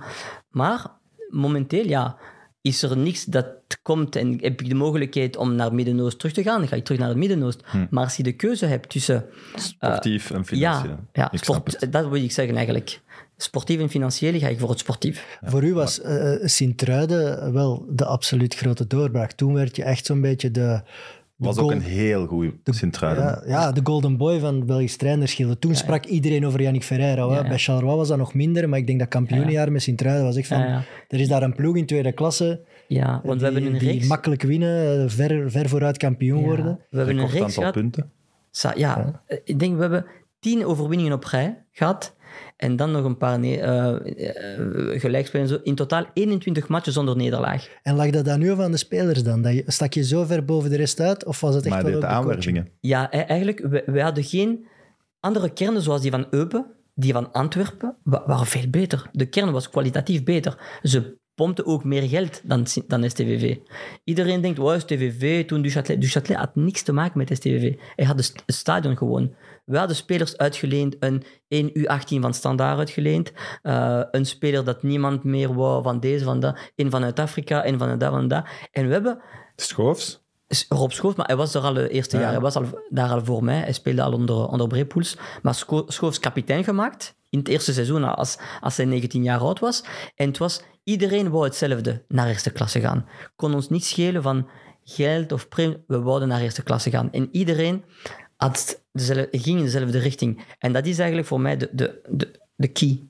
Uh, het is niet altijd de kwaliteit van uw kern, maar ervoor zorgen dat iedereen in dezelfde, in dezelfde, dezelfde richting gaat, dat is de want sleutel om te winnen. eh, ja, Schoofs, Ed Milson. Dus ja, Dom, dat waren... Dom, Dompe was in Dompe. eerste klasse al. eh, Momi, Hilaire Momi, ja. eh, Parsisek. Pari- Parisek. Je had, vo- en DKV, je had vooral veel scorend vermogen, maar wel ook ja. nog veel hongerige spelers. Dat zie je ook wel aan die leeftijd. Ik denk, alleen Kotic en zo was al wat ouder, maar Kotic, uh, Matthias Gils toen. voilà, heel veel jonge gasten Ja, ja, die zich ja. absoluut We wilden hadden een bewijzen. gemiddelde, ik weet nog, met, eh, hoe noemde de keeper, die toen bij Anderlecht was? Schollen, Davy Schollen. Schollen. Hij was denk ik 5, of 36 dit, dit seizoen. En met hem erbij, de gemiddelde leeftijd was 22 jaar oud. Maar ik denk dat je dat soms in tweede klasse echt Ja, ja. nodig hebt. Je Net ziet dat vaker, Ja. dat die hongerige ploegen Ja. veel, veel beter presteren. En ook, wat, het was ook eh, een beetje raar zo, in, in, we spelen op, op synthetisch gras bij, bij, bij Sint-Truiden. En het was echt thuis, heel eh, combinatievoetbal in de voeten, bijna zaalvoetbal. En uit moest je soms bij ijst gaan spelen, modder zo. Rugby. En je, je moest rugby gaan spelen eh, eh, op Toch het mooiste wat er is, op Heist op den Berg. Zeker niet. Man, ja, niet makkelijk dat, echt niet. En, en dus ja, het was niet, we moesten van één week tot de andere week echt ons, onze voetbal aanpassen. Maar dus in, in tweede klasse is dat wel een voordeel dan kunstgras hebben als enigste. Ik denk het wel ook. Het stadion was wel, af, ja. het tweede Ja. seizoen was, de sta- was het stadion af. Dus de, de ploegen die kwamen, sommige van die gasten werkten nog overdag. Wij waren wel professioneel. En sommige ploegen die kwamen voor de match waren ze, wauw, groot stadion. En ze waren, het had misschien al een effect van, we gaan hier winnen. Ik denk, eh, zelfs, zat Racing Mechelen zelfs toen nog niet in jullie Ja, reeks? Ik ja, ja, denk dat is het het jaar dat ze problemen hebben gehad. Ja, ja. Ah, toffe competitie. Dat is ja, de oude tweede klasse, daar word ik terug warm van. Hè. Elke keer eh, als er hier verhalen zijn over die tweede klasse met die 18 ploegen met semi-prof en prof door elkaar, dat is toch het beste wat er is. Ik denk zelfs Lommel, die een superjaar doormaken dat jaar, Ja, was ook semi-prof. Hè. Ja, dat ja, waren ja. geen profs. Die, die, eindigen gewoon tweede. Hè. goed, Ja. Dat is allemaal kapot gemaakt. Dat is allemaal weg. Binnen twee jaar speelt KV daar weer, dan vinden we dat weer heel plezant. Een semi-prof? Ja, maar ik hoorde nu wel eh, zeggen in, bij de vrienden van Eleven Insiders eh, dat de promotie met Sint-Truiden het mooiste moment is van uw carrière. Ja. Dus mooier dan de bekerwinst van Standaard. Dat geloof ik niet. Jawel, jawel. Ja, Want het gaat om... eh, het was eigenlijk na twee jaar gepromoveerd. Het was een werk van twee jaar, niet alleen één seizoen. Sta, standaard ben ik aangekomen in september en we winnen de beker. Dat is een kleine competitie van zeven matchen. Winnen de beker in maart, zes maanden. Maar Sint-Truiden hebben we het zelf, het zelf gemaakt. Samen met het bestuur, samen met de staf, samen met de spelers. Het was echt, we hebben dat zelf gebouwd. Want we kwamen... Sint-Truiden was toen, hoe zou ik zeggen, een ploeg dat niet graag voetbalde. De- Toen was op stadion was het ook en voetbal was, mooi voetbal was niet hun dingen. En dan met synthetisch veld moest je het aanpassen. En dan langzaam, langzaam hebben we het aangepast. Dus het was, het was een heel nieuw project dat we opgebouwd hebben. En Dat ge- inderdaad een leuke uitdaging. Ja, De switch van dat veld. ja, ja. Dat heeft wel een paar jaren genomen. Hè? Ja, Want eh, eerst waren ze in eerste klasse, dan gedegradeerd. Eerste jaar in tweede ook niet gepromoveerd, zelfs niet play-offs gehaald. En daarna zijn we aangekomen en langzaam, langzaam is alles veranderd. Dus dat was eigenlijk... En ook, ja, mijn vader die stond een paar meters achter mij als we het nieuws hebben gehoord. Want Lommel speelde ook tegen Eupen op hetzelfde moment. We spelen in geel. Wij moesten gewoon een beter resultaat halen dan Lommel. Want er waren drie punten verschil. En Lommel, we spelen tegen Lommel de laatste speeldag. Dit was de, de voorlaatste Ah, speeldag. Dus wij wonnen bij Geel, 4-1. Het was al 4-0 aan de rust. En match is gedaan. Maar Ginder is er nog vijf minuten te spelen. En ik had Will Stil Ginder gestuurd in Lommel. Het was in Lommel. Ja, in Lommel. Het was Lommel-Eupen. En Lommel stond 1-0 achter, denk ik, tegen Eupen. En dus de laatste minuten, ik heb daar nog foto's van, we staan allemaal in cirkel zo voor de bank op het veld in geel. We wachten op met Peter Delorge, teammanager. Hij stond aan de lijn met Will Stil. En de langste vijf minuten van mijn leven, wachten, wachten, wachten, wachten. En, ah nee, eh, Eupen heeft een corner. Dus we dachten, oké, twee minuten blessuretijd, 1-0 voor 1-0. Ze moeten nog twee keer scoren, Lommel. Ze gaan toch niet winnen? En dan als ze, als, ze- als ze zeiden, het is gedaan. Tranen, ontploffing. Ik heb er Mooi. niet kippenvel van eigenlijk. Mooi. Maar eh, ja, nee, mooiste moment. Sint-Truiden is toch ook wel eh, de club waar je, waar je nog altijd terug naartoe kan. Dat Kan. zijn ze daar niet geen trainer voor Dat zijn ze daar niet vergeten en voilà. Ja, maar kijk, ik, ik, ik zei het net eh, als ik aankwam, ja, als het nog niet begonnen was.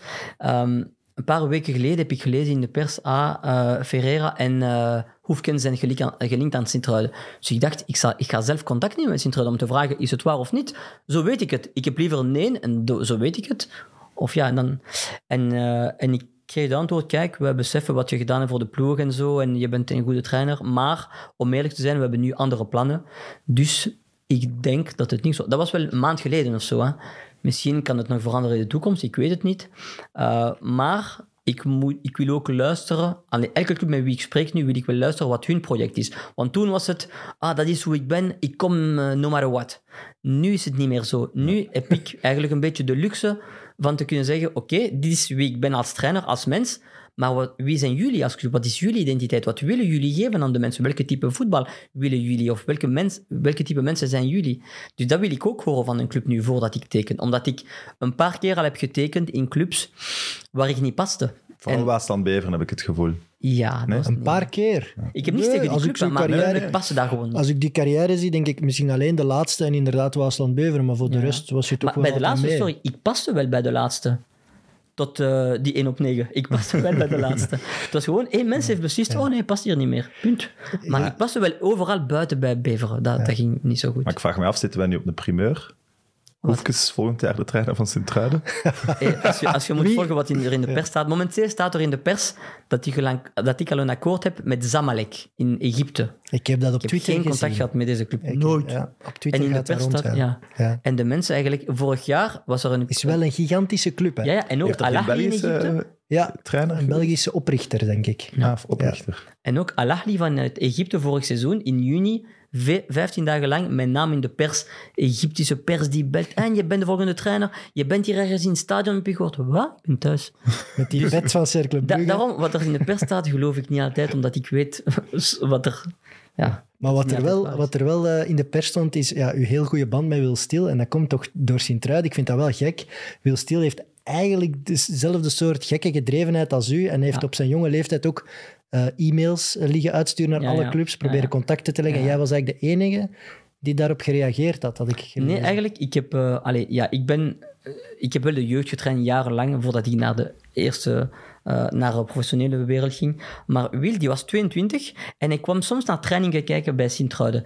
Eerste seizoen had ik hem al gezien, soms van ver. Mee- Gewoon als toeschouwer. Ja, gewoon k- komen kijken naar de training, geïnteresseerd in de training. Ik had hem al een paar keer gezien. Je, je ziet hem groot, ros, zo, je, je, je ziet hem daar staan. Is hij zo groot? Dat wist ik niet. Ja, hij is 1,90 meter, 90, ja. Ah, oké. Zo groot, ja. En, ehm, en op een zeker moment, tweede seizoen, be- voorbereiding, we, we moesten zo'n honderdtal meter stappen van het bureau naar, naar het veld om te gaan trainen bij Sint-Truiden. En na de training, hij, was, hij, sto- hij- hij stond daar, ik keek naar de training. Na de training stap ik terug naar mijn bureau. En hij kwam naar mij, ah, hallo, eh, ik, eh, ik, eh, ik ben Wil. mag ik eh 15 dagen bij jullie blijven, twee weken? Ik moet gewoon een beetje, allee, iets volgen. Ik zeg, ja, wat zou je kunnen doen om ons te helpen? Ah, ik kan een analyse maken en zo, dit, dat, dat. Oké, ja, blijf maar bij ons. Ja, hij blijft bij ons 15 dagen. Ik vind dat hij ons wel helpt qua analyse. Hij gaat naar de tegenstander kijken, hij maakt rapporten en zo. Ik vind het wel interessant. Voordat de competitie begon nog. Hè. En, ehm, en na die twee weken zeg ik tegen de club, kijk, mag hij bij ons blijven? Hebben jullie een klein budget voor hem of zo? Hij mag wel blijven, maar we hebben geen budget. Ik zei, oké, dan ga ik hem zelf een beetje betalen. hè. Nee. Jawel, ja. Ja? Ik gaf hem zo elke maand iets, dat- zodat, zodat hij zijn benzine kon betalen en eten en zo. Want, eh, ja, ja. En dus hij is met ons gebleven. Dus hij, was, hij maakte deel uit de staf, dus hij maakte de analyse van de tegenstanders. Hij was ook aanwezig op het veld elke dag, zoals ik deed toen met Michel bij Al-Shabaab. En ook soms een rondo een, eh, of een... eh, Ja, maar rondo-training geven kan ik Nee, nee, ook. het- nee, maar het is geen gewone rondo. Ah. Het is een speciale rondo à la Guardiola dat we doen. Hè. Ah ja, het is ingewikkeld. Hè. Dat kan ik niet. Het is een, gewone rondo heb ik niet graag, maar deze rondo's met regels en zo is, zijn wel interessant. Dus hij, hij deed soms dat, of eerste, eerste pas geven bij een, eh, bij een, bij een oefening, of eh, een, een, klein, een kleine groep. Maar hij was wel op het veld. Ik vind dat wel grappig Nee, eigenlijk. hij was 22 en hij was op het veld. En hij kreeg van mij 500 euro per maand zo gewoon om te, nee, om te, om te leven. En, ehm, Maar bij allee, dat bestuur van Sint-Truiden moet zich toch een beetje beschaamd maar- gevoeld wel, hebben. Nee, nee, maar op het, einde van het, op het einde van het seizoen heeft hij wel een contract gekregen bij Sint-Truiden. Dus we hebben kampioen gespeeld. We starten in de tweede klasse. Hij is, hij is onder contract eh, bij ons in de staf. En na zes matchen we doen het heel goed en ik vertrek naar Standaard. Chris Lochlin moest meekomen, normaal. Eh, maar hij kon ook bij Sint-Truiden blijven als hoofdtrainer. Dus hij is daar gebleven als hoofdtrainer. En, eh en Will is eh, ook meegekomen als analist. En ik heb nog een andere assistent genomen, een Fransman dat ik kende. Dus gewoon omdat hij in die 100 meter dat je naar het eh, stapte, durfde te vragen aan u van hey, ik ben Wil Ja, en ik en wil dat graag eens respecteer iets ik, in de voetbal doen. Ik ben ook ooit in zijn schoenen geweest. Ja, en het ik is had, toch omdat je het herkende ook Ja, ergens, en ik nee? had het wel, eh, ik had het wel eh, geapprecieerd. Had, had iemand zo met mij gesproken en had iemand zo zijn armen open, open gedaan- gemaakt voor mij. Ik had dat wel geapprecieerd toen.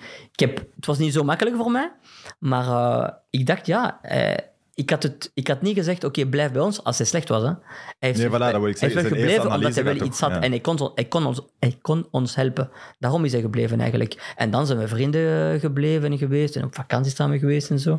En nu ben ik super blij van, eh, van zijn resultaten. ja.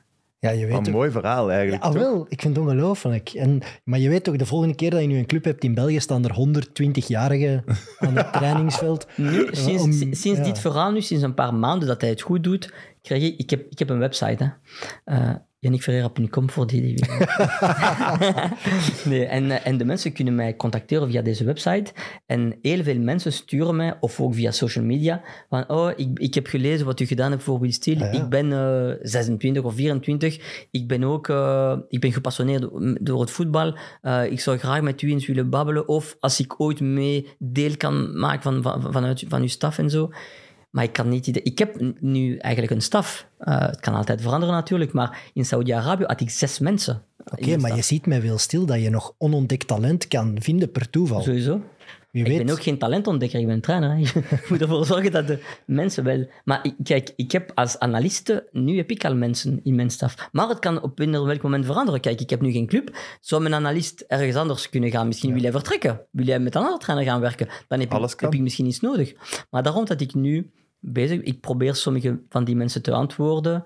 Eh, Ben je dan nu op dit moment gezond jaloers op eh, Wil? Allee, gezond jaloers. eh, jaloers niet. Dat zelfs? het is zoals... Ik beschouw hem zoals mijn klein broer eigenlijk. Vier, dus. Ja, ja. En, en ik weet, want we hebben... Ik heb eh, Benny Badibanka bij Standaard gehad. En hij heeft hem bij Lierse gehad. En dan heb ik Benny terug bij Waas aan Beveren gehad. En Benny zei tegen mij... Wil, als hij training geeft, is het jou in, in, in Rossen. dus ik, ik weet... En ik zag hem nu bezig in, eh in Raans. Ik ben daar geweest een paar weken geleden. Ik heb daar twee dagen doorgebracht. En ik zag hem bezig op training en zo. En ik dacht... Ik zie mezelf eigenlijk in... eh, dus jaloers niet. Nog altijd die rondo. Deze heb ik niet gezien, deze ronde heb ik niet gezien. Maar ik bedoel, nee, nee, ik jaloers zeker niet. Ik ben heel blij voor hem. En als ik hem kan helpen, help ik hem. We bellen regelmatig, we sturen. En eh, ja, Ik vind...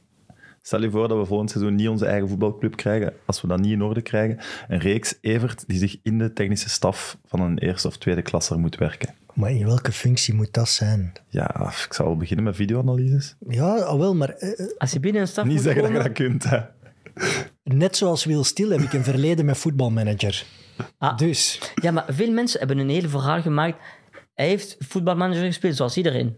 Ja. Maar het is niet door voetbalmanager dat hij trainer is nu. Hè? Ik bedoel, eh, veel mensen, allee, hij, hij, hij is daar zelf een beetje... Hij denkt van, ja, weer die, die, die verhaal van voetbalmanager. Maar hij is daardoor wel de wereld rondgegaan. Dus Ja, je kan hem ook nog wel iets opleveren. Misschien Ja, ja. mensen kennen hem wel als... Op een gegeven moment kan het ook weer een rem zijn. Als je naar het absolute Maar topniveau wil. verlies maar twee, drie matchen op rij. Als je twee, drie matchen op rij verliest, dan gaan ze zeggen, "Ha, kijk, in plaats van voetbalmanager manager te spelen, zou je moeten trainen.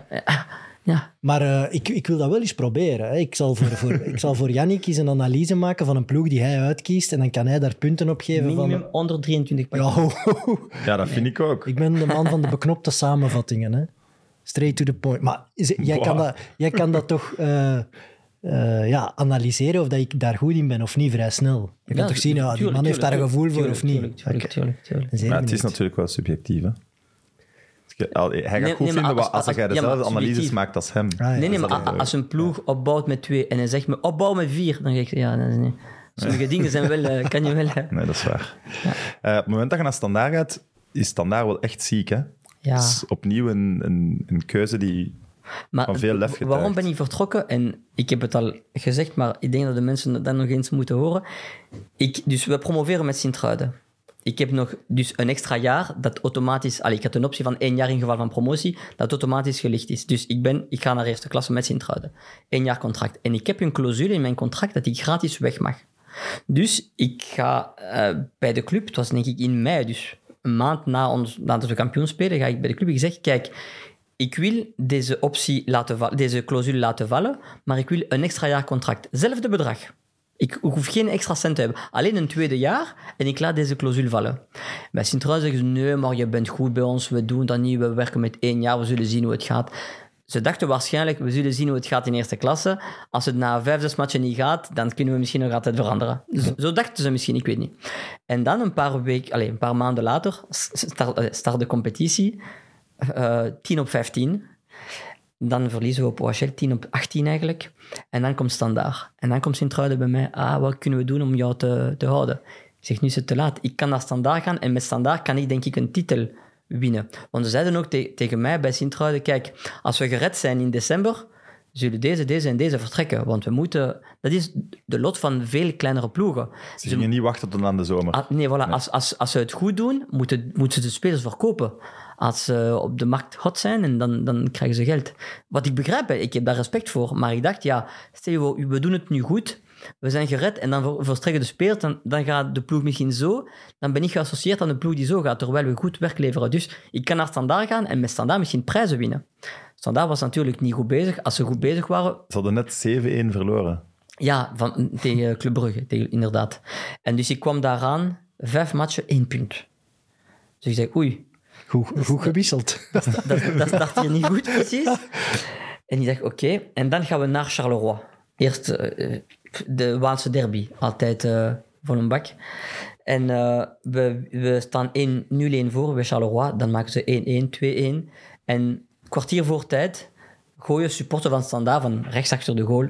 Gooien met vuurpijlen. Match, eerst eh, micro en dan tweede keer match gestopt. We gaan naar binnen. Ik zie dat de trainer van Charleroi, Felice toen, Felice Mazou, en de spelers die zijn rond de scheids in de, in de gang. "Ah, hoe kan dat? ah?" En wij gaan naar de kleedkamp en we zeggen, gasten, het is niet gedaan, nog een kwartier, we zijn, nog, we zijn in de, goed in de match, alles kan nog. 85ste minuut krijgen we een corner, dus match start terug. 85ste minuut corner. Jelle van Damme, 1,90 meter, die gaat altijd mee in de baklijn. En hij blijft buiten de baklijn. Zeg, ik, Jelle, in de baklijn. En hij kijkt zo naar mij en hij blijft uh, buiten de baklijn. En ik zeg, hij is, hij is me aan het saboteren, wat is hij aan het doen? Corner getrapt, bal is weggekopt, Jelle. Half volley, boem, in de winkelaar van buiten de baklijn. 2-2. Ik dacht, what the fuck? Doet hij dan teken naar u wel van? zo? Nee, ik, Hey, coach, dat, dat bedoel ik. Dat weet ik zelf niet meer. Meestal als we scoren, draai ik, ik drink en ik zit en ik blijf rustig. Dat was 85e minuut. 90e minuut. Voorzet. En we wisten dat Peneto, Peneto die ging uit in de baklijn tot aan de punt van zijn baklijn. Ja. Die ging overal uit. Plukken, overal plukken. En ik, ik, ik dacht, ja, hij, gaat altijd, hij komt altijd uit zelf als, als het niet kan of niet mag. Dus blijf klaar voor de tweede bal. We wisten het. En er is een voorzet. Hij komt uit samen met Santini. Ze botsen, maar zonder fout. En Emon staat daar, poem, 2-3. En we winnen die match 2-3. Dus eerst overwinning van mijn bij Standaard. En dan waren we, waren we vertrokken. Maar verliezen we die match? Toen wist ik het niet. Ik dacht echt, ze gaan me niet ontslaan. Ik ben hier maar eh, een paar weken. Maar ik, ik wist het. Allee, daarna heb ik het wel ge- gehoord verloren we die match, was ik, lag ik buiten. Dus ik had mijn eh, mooie plaats bij Sint-Truiden. In vijf minuten ja, en in standaard. in één minuut, in, in één seconde, die volley van Jelle. Jelle heeft mijn carrière veranderd. Dat heb ik altijd gezegd. Ik ben hem eeuwig eh, dankbaar daarvoor. Maar het is, je, je pakt toch een enorm risico door naar een, een, een zieke topploeg te gaan op dat moment. En vooral geen voorbereiding mee te spelen. Want dat is toch een fout die volgens mij vaak trainers maken in het wisselen van ploegen. Je, als je Ja. geen voorbereiding hebt met je ploeg, Maar- kan je dan daar worden op afgerekend als het slecht gaat? Maar wie zegt dat Standaard nog een tweede keer komt in mijn leven? Kijk Ja. naar Clement bij Genk. Ja, De, de trein kwam voorbij en hij zei ook, ja, ik moet nu springen, want ja, wie weet wat gebeurt er nog als ik niet spring. ja. Ja, oké. Maar soms is het gewoon... Ik was 34, ik kon de trainer worden van Standaard. En ik dacht, mijn droom was... Mijn plan was heel duidelijk. Ik was bij de jeugd van Anderlecht. Dan moet ik profe- professionele trainer worden. Dan moet ik... ehm, eerste klasse. Ik was in eerste klasse. Charleroi. Dan ga ik naar tweede klasse. Oké, dan moet ik promoveren. Proberen te blijven. En dan naar een betere club te gaan met wie ik iets kan winnen. En dan naar Europa gaan. Dat was mijn plan. En dat lukte. Dus ik ging naar een grote club om iets te winnen. We winnen uiteindelijk de beker. Rechtstreeks naar de poules van de Europa League. Net niet gehaald. Nee, oké, maar met Sint-Truiden, je weet, de promovendus in zijn eerste jaar doet het meestal goed op heel veel enthousiasme. Ja. Je krijgt terug leven in staaien. Ja. Je hebt een, een degelijke ploeg. Je haalt goede cijfers in augustus en september. Voor hetzelfde geld kan je met Sint-Truiden een gek seizoen doen. En dan ga je marktwaarde misschien nog Ja, hoger maar als je hoort dat wat, de, betere spelers gaan, hè? misschien... Ja, maar dan wel met, een, een, met de status van in de zomer bij Standaard misschien meer Ja. je wil te kunnen opleggen dan nu. Ja, maar het is, het is, zo dat, het is ook zo dat... Allee, toen waren de jonge trainers niet zo hot dan nu. Toen, ik bedoel, nu is het veel veranderd. La, ik, Wil, eh, Ed, de bro van Wil. Ja, Gerards, Franke, Ja, voilà, voilà. De nu is het maar toen niet. Dus ik kreeg de mogelijkheid om naar Standaard te gaan en een titel te pakken. Want met Standaard heb je meer kans om een titel Ja. te pakken dan met Sint-Truiden. En ik nogmaals, ik, dacht, ze gaan de beste spelers misschien verkopen in de, in de, in de winter. En dan wat doen we? Dus een gek seizoen maken bij Sint-Truiden dit seizoen was moeilijk. En trouwens, als ik vertrokken ben, het zijn ze zich gered laatste speeldag, denk ik, of zo tegen Lokeren. Dus het was geen, zeker geen makkelijke seizoen. Maar Standaard verkoopt ook wel veel toppers in die winter. Ja, eh Texera, Jelle, die gaan naar, eh, naar MLS. Knokkaart. Eh Knokkaart. Juist, maar ja. Ja, ja. Die zijn Knokkaart. vertro- we, we, we Die op waren dat net- moment de beste speler van Standaard was. ja, ja, we waren echt goed bezig. We hadden een, een zeker evenwicht gevonden tussen september en januari. Drie spelers weg. Yatabaré ook, Sambou Yatabaré. Dus vier eh, basisspelers weg. Terug opbouwen. De eerste weken zijn niet makkelijk. We verliezen van Sint-Truiden, we verliezen van Westerlo. En dan, eh voorlaatste speeldag, spelen we tegen Genk. En we winnen thuis. Eén doelpunt van Dopé, super buitenspel, maar toch... eh, nu met de VAR is dat... maar ja, oké, we, we winnen met, met, met 2-1. We staan zesde. Eén match, we waren laatste na 11 speeldagen. En na 29 speeldagen staan we zesde. Dus nog één match te spelen bij KV. Als we winnen, zijn we... Of als we niet winnen, maar dat Charleroi achter ons ook verliest tegen Zult of zo, dan zijn Maar KV speelde ook voor niks meer, hè? Nee. Toch? Dat was een grijs seizoen van Ja, KV, ja. Ja. Ja, ja. Maar ehm, oké, en dan spelen we tegen... tegen dan was het een super slechte match. Vier- 4-0 verliezen. Ja, na een kwart, na, aan de rust was het al 3-0, denk ik. Na een kwartier 2-0. En eh, Hoe kan dat? Is dat de zwartste dag uit uw rode kaart na een kwartier trainerscarrière? ook. Sorry? Is dat de zwartste dag uit uw trainerscarrière dan?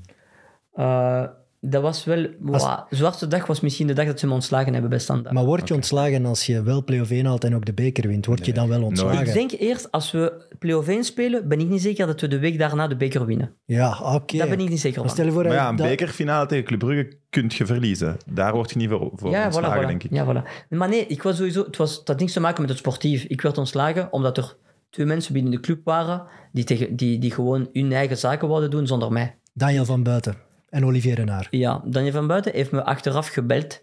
Om, zi- want hij werd een paar weken na mij ontslagen ook.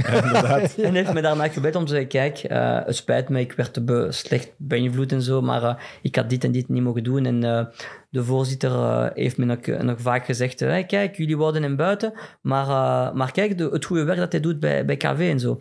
En eigenlijk, di- dit jaar bij Standaard, de tweede seizoen bij Standaard, eerste training van het seizoen, half juni, als we terug beginnen trainen na de vakantie. Trebel en... en ehm, Dosevi, die nemen mij apart. Zegt, "Tro- cool, mogen we met jou praten? Ik zeg, ja. Ik ga apart met hen en die zeggen mij, trainer, pas op, want eh, dus Daniel en, Daniel en Olivier hebben gezegd tegen onze makelaar dat ze, dat ze jou buiten zullen krijgen. Ah, is het zo? Dus je, je hoort dat van de spelers. Dat is niet goed. Voorzitter komt naar de trainingscomplex. Ik zeg, mag ik eh, even met jou praten? Ja, we gaan apart met de voorzitter. Ik zeg, oké, ik heb dit en dit gehoord. Hoe zit het? Ja, ze proberen mij al weken van je te, van, te overtuigen van je te ontslaan, maar ik blijf vertrouwen hebben in jou en zo. Oké, dus dat was half juni. Venanzi was Ja, dat was ja. ja. Venantie, ja. En, eh, en toen, na drie maanden, eh, bij, na een 2-2 op Brugge, we spelen nog... Dus dat was voor de interlandbreak, eh 2-2 op Brugge. We moesten eigenlijk die match winnen. Eh, we staan 1-2 voor, 94ste minuut. We hebben de bal op de cornervlak op hun helft. En de bok die geeft een stamp in de knie van ik weet niet welke speler van ons. Geen fout, net voor de grensrechter. Eh, Scheids zegt niets. Tegenaanval, 2-2, doelpunt. Match gedaan, 2-2. Dus oké, ik word nu ontslagen, we, we blijven trainen. Dan spelen we de vrijdagavond een vriendschappelijke match tegen Marseille. We winnen met 3-0 van Marseille. Met Gomis en zo, goede ploeg van Marseille. We winnen met, winnen met 3-0. Weekend gaat door zonder training. Maandag geef ik training zonder probleem. Dinsdagochtend ben ik ontslagen. Maar Ja. eh, Voilà, zo, los, gaat. Dat is ook ja, standaard los, los van of, of dat jij dan op dat moment eh, de juiste trainer voor standaard bent, zegt het wel heel veel over hoe dat die club op dat moment voilà, werkte. En wat die strijd was tussen het kamp Venanzi Ja. en van buiten Renard. Wat ik heel raar vind, want Venanzi is toch de voorzitter en dus toch eigenlijk de baas van die twee. Ja, Ja, maar geen volle eigenaar. Hè? Dat weet ik. Ja, toch niet alles voor het zeggen toen. Dat weten we niet. dat was wel de voorzitter. Ja. dat was wel de voorzitter. Hij had toch heel veel geld geleend om die club te kunnen kopen, dus die was toch van hem. Maar natuurlijk van buiten. Ja, gigantisch grote naam in Luik. Ja, ja. Die, ik snap ja, dat hij daar aan alle tentakels kan trekken. En, en ja, Renard dan blijkbaar ook. Ik vind dat wel straf. En ik vind het ook gek dat jij eh, tijdens die voorbereiding wel blijft zitten. Als je eigen speler zal zeggen, ja, wij horen hier van alles, kun jij ook zeggen, Maar jongens, ik, eh, dacht, ik ben hier weg. Ik dacht, ik krijg het, het- de steun niet van het bestuur. En ook de staf was eigenlijk in twee gesplit met de mensen dat ik gebracht had, plus de mensen die er al waren. Het was een beetje in twee gesplit, de staf. Maar toch heb ik altijd goede contacten gehad met, met iedereen. En, ehm, en ik dacht, de spelers en mij, we gaan het doen. Ik, ik blijf gewoon positief voor de spelers. Ze moeten zien dat ik wel 100% er blijf. er- er Als je alles wint, kunnen ze niet ontslagen. Voilà, dat dacht ik ook. ja. Dat dacht ik ook. Ja. En nu hadden we gewonnen bij Brugge. Werd ik toch ontslagen, denk ik. Het was een kwestie van dagen of, of, of weken. je- maar, maar, maar dat zegt meer, denk ik, over de club dan, dan, dan over mij. En ook Ja, ik- de spelers die aangewerven werden zonder mijn toestemming in de zomer. Veel van die spelers hebben nooit gespeeld en hebben, zijn in, in de winter vertrokken. En de trainer die in mijn plaats gekomen is, Jankovic, de dag zelf, eh, hebben, we- hebben ze ontslagen. Eh, Ze hebben play-offs 1 niet gehad. Wij hebben ze met Mechelen uit de play-offs 1 eh, ge... Ja, oké, maar dan... trouwens. Dat langsje is mooi. Wow, het was wel plezant. ja, dat deed wel iets. Maar, dat, Typisch standaard, toch? ja, oké, Als maar het rommelt, zijn ze slecht. En dan vanaf het moment dat die dat stabiel krijgen, zijn die ook echt goed altijd. de tandem, de tandem Renaar-Jankovic natuurlijk, dat is nog een andere zaak eh, waar we het misschien later over zullen hebben, was wel heel duidelijk op dat moment. Hè. Renaar had er- was gewoon al Ik heel dat lang pas van ja- plan dat om jou te Ik heb wisselen. dat jaren later begrepen. Als Ja. ik begon te horen van die, die zaak daar, dat zie ik, oh, misschien is het daardoor. Ja, zeker weten dat het Ah ja, maar, daardoor maar toen, was. toen dacht ik, was, ik was gewoon naïef en ik dacht, ja, eh, hij wil me gewoon buiten sinds de eerste dag. Ik had nooit geen goede relatie met hem sinds dat hij aankwam. Hij kwam aan in, in februari, denk ik. Ik had nooit een goede... eh, maar oké, bon, hij doet zijn dingen, ik doe mijn dingen.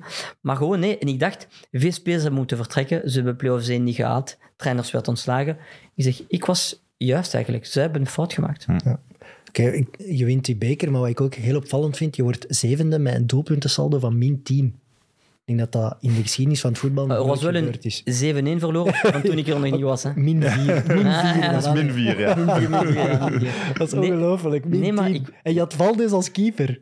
In, in, het, in tweede deel van het Vanaf seizoen. januari, ja. Tweede- ja, tweede deel van het seizoen wel, ja. Hoe gaan we die mens? Ja, ja. ja maar hij heeft wel een beker van België gewonnen. Hè? Ja. Niet veel Spanjaarden hebben de beker van België gewonnen. Dat is een van, een, een van die geniale beelden toen. Een van zijn eerste match was op OHL, denk ik. Dat hij daar op die modderparking Ja. wandelde. En dat je echt zo de man van de treble met Barcelona, WK gewonnen. Die Ik, ik, wandelt ik dacht voor hem, oh, het Fantastisch beeld. was aan was het regenen. En, eh, wow. Ja, Maar hij moest hij echt zo'n plas ontwijken. Ja. dat. Ja, ja, ja. maar hij keepte een supermatch. Hij hield dan in, de match eigenlijk en we winnen met, we winnen met 2-0. Was dat nog een normale gast om mee te werken? Ja? Want supernormaal. In die kleedkamer is dat wel een wereld. Ja, super, ja, maar super normaal. Super normaal. In Maar wel, de Belgische competitie was dat een wereldster. maar, ja, maar, eh, eh, sorry, ik heb niet gehoord. In heel de, hij zegt in die kleedkamer, maar in heel de Belgische competitie was dat een wereldster. hè. Ah ja, sowieso. Hij Tuurlijk. had Champions League gewonnen, WK gewonnen en zo. Maar eerste keer dat hij, dat hij mee moest doen... Allee, soms doen de keepers mee met de voeten, balbezit en zo. Als hij mee moest doen, eerste keer dat ik hem zag met de voeten, ik dacht ik... "Oh, Is beter dan de spelers. hij was beter dan sommige In spelers, de hè? spits. Heb je hem overwogen als speler? Nee, nee, dat niet. Maar ik bedoel... Maar ik was toen Dan, niet- had, was maar dan mijn- had je de wereld rondgegaan. Hè? Ja, ja, echt. Yannick Ferreira Ja. zet Victor Valdes op nummer 6. Nee, maar, maar mijn filosofie was toen... Ik was een grote fan van Simeone. En ik had het altijd gezien voetbal van compact, intensiteit, medium blok. En eh, ze gaan wel een fout maken en we gaan counteren. Dus ik was niet echt van, we gaan opbouwen, deze, zo en zo en zo. Dus ik zei tegen hem, hey, als je geen oplossing hebt, lange bal, hè. Hij zei, nee, dat, doe- dat kan ik niet doen, dat doe ik niet. Ik bedoel, ik heb altijd opgebouwd. Dus het was een beetje... eh, Toen... Hij, hij trapte niet zo ver uit, hè, eigenlijk. Hij kon dat niet. Had Hij dat hij nooit had dat nooit gedaan. Hij had dat nooit moeten doen. Dus hij ging niet, niet zo ver eigenlijk. Nee, maar gewoon super, eh, super gast. Echt. Ik, heb, ik heb veel geleerd van hem, eerlijk gezegd. Oké. Als je daarnet zegt, als we die laatste match tegen KV niet verliezen met 4-0, win- winnen we misschien een week later de beker niet. Ja. Wat bedoelt je daar dan mee? Eh, bij Standaard is het vaak zo geweest dat eh, je wint twee, drie matchen, dan is iedereen, oh, het is goed, we zijn de beste. Boom, dan krijg je een pandoring. En ik dacht, als we ons plaatsen voor het play-off zijn nadat we eh, eh, 19 matchen daarvoor eh, laatste stonden, dan gaat iedereen denken, hey, kom op, we zijn de beste. Dan ben ik niet zeker dat de motivatie dezelfde is. Maar deze bekerfinale moest het seizoen redden. Mhm. Wil je Europa halen, moet je deze match winnen. Punt. 90 minuten of misschien 120 minuten moet je winnen. En dat de motivatie was. En sinds de eerste minuut waren we superieur. Waren we Ik heb gelezen in de voetbalkrant dat de overwinning te danken was aan een trainer met heel veel lef. Wij? Ja? Ah, we gingen, wij gingen oh, ja. Of de We- T2. Nee, nee. we gingen hoog druk zetten. We gingen heel hoog druk zetten. We dachten, let's go for it. En Emo er nog bij zitten op het einde en zo.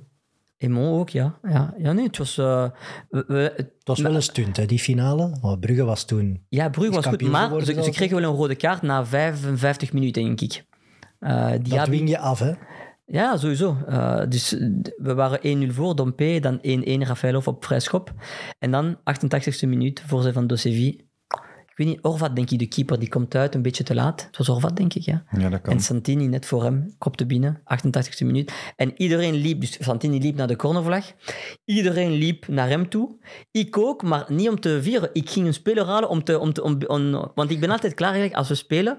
Op, rond in de laatste 10 minuten, het is bijvoorbeeld nu 0-1-1 of zo. Ik denk, als wij scoren, maak ik onmiddellijk deze vervanging. Als we een doelpunt tegenkrijgen, maak ik onmiddellijk deze vervanging of deze vervangingen. Dus ik, ik wist al, scoren we nu in, de- in dit moment, moet hij invallen in plaats van hem. En dus ik ging lopen, ik ging uh, Arslanajik halen om, om in te vallen. En hij was zo eh, aan het vieren. Ik zei, nee, hey, kom, kom. Maar de spelers die zijn in ander weer op dit moment. Hè. Die Ja, zijn ja, nog- natuurlijk. die zijn niet, maar de match is nog niet gedaan, dus voor mij zijn we nog. Dus ik blijf altijd. En ja, natuurlijk, als je wint daarna, als het gedaan is, dan mag je ontploffen. Maar eh, nee, nee, het was uh, Toch sowieso mooi, mooi moment. het tweede mooiste moment dat u Het tweede mooiste moment, ja. Oké, En het derde was de titel met Al-Shabaab. Oké, Ja, super mooi moment ook. maar eh na standaard niet lang moeten wachten ook niet op een nieuwe club. Ja, want eh Mechelen had geen trainer meer, omdat Jankovic in mijn plaats was gekomen. En eigenlijk, de di- communicatiedirecteur toen, dat was Alex Grosjean, Alexander Grosjean. Hij is later CEO geworden van de Ja. club, nu Ja. is hij er niet meer. Hij zei tegen mij, als ik, dat ik net ontslagen werd, dus ik ging naar het stadion voor een, eigenlijk, ik ging naar het stadion voor een vergadering met de voorzitter en Daniel en Olivier. Ik kom binnen met mijn computer en ik ga buiten met mijn ontslagpapier eigenlijk. Ik wist niet dat ik ontslagen ging worden. Ik had een, een meeting normaal. Het was over iets anders, over de transfers en zo die net gedaan waren. Hoe gaan we die, die, die groep van 34 spelers handelen? En Laten ze die meeting dan wel nog doen? Of Zo, sorry? ontslagen ze u in het begin van de meeting? Of laten ze Nee, nee, in het begin, begin, begin. Ja, Ah, oké. oké. Ja, ik zou nog zo wat Nee, bijleren. nee, begin- nee, dus we begonnen direct, we gaan hier om de pot draaien. We hebben precies van, het, was, het was heel duidelijk. En, eh, dus ik, kwam, ik ga terug naar de academie om mijn spullen te halen. En Alex Grosjean die zegt tegen mij, maar je kan misschien naar Standaard na- naar Naar eh, KV. Mechelen gaan. Het is Jankovic die hier komt.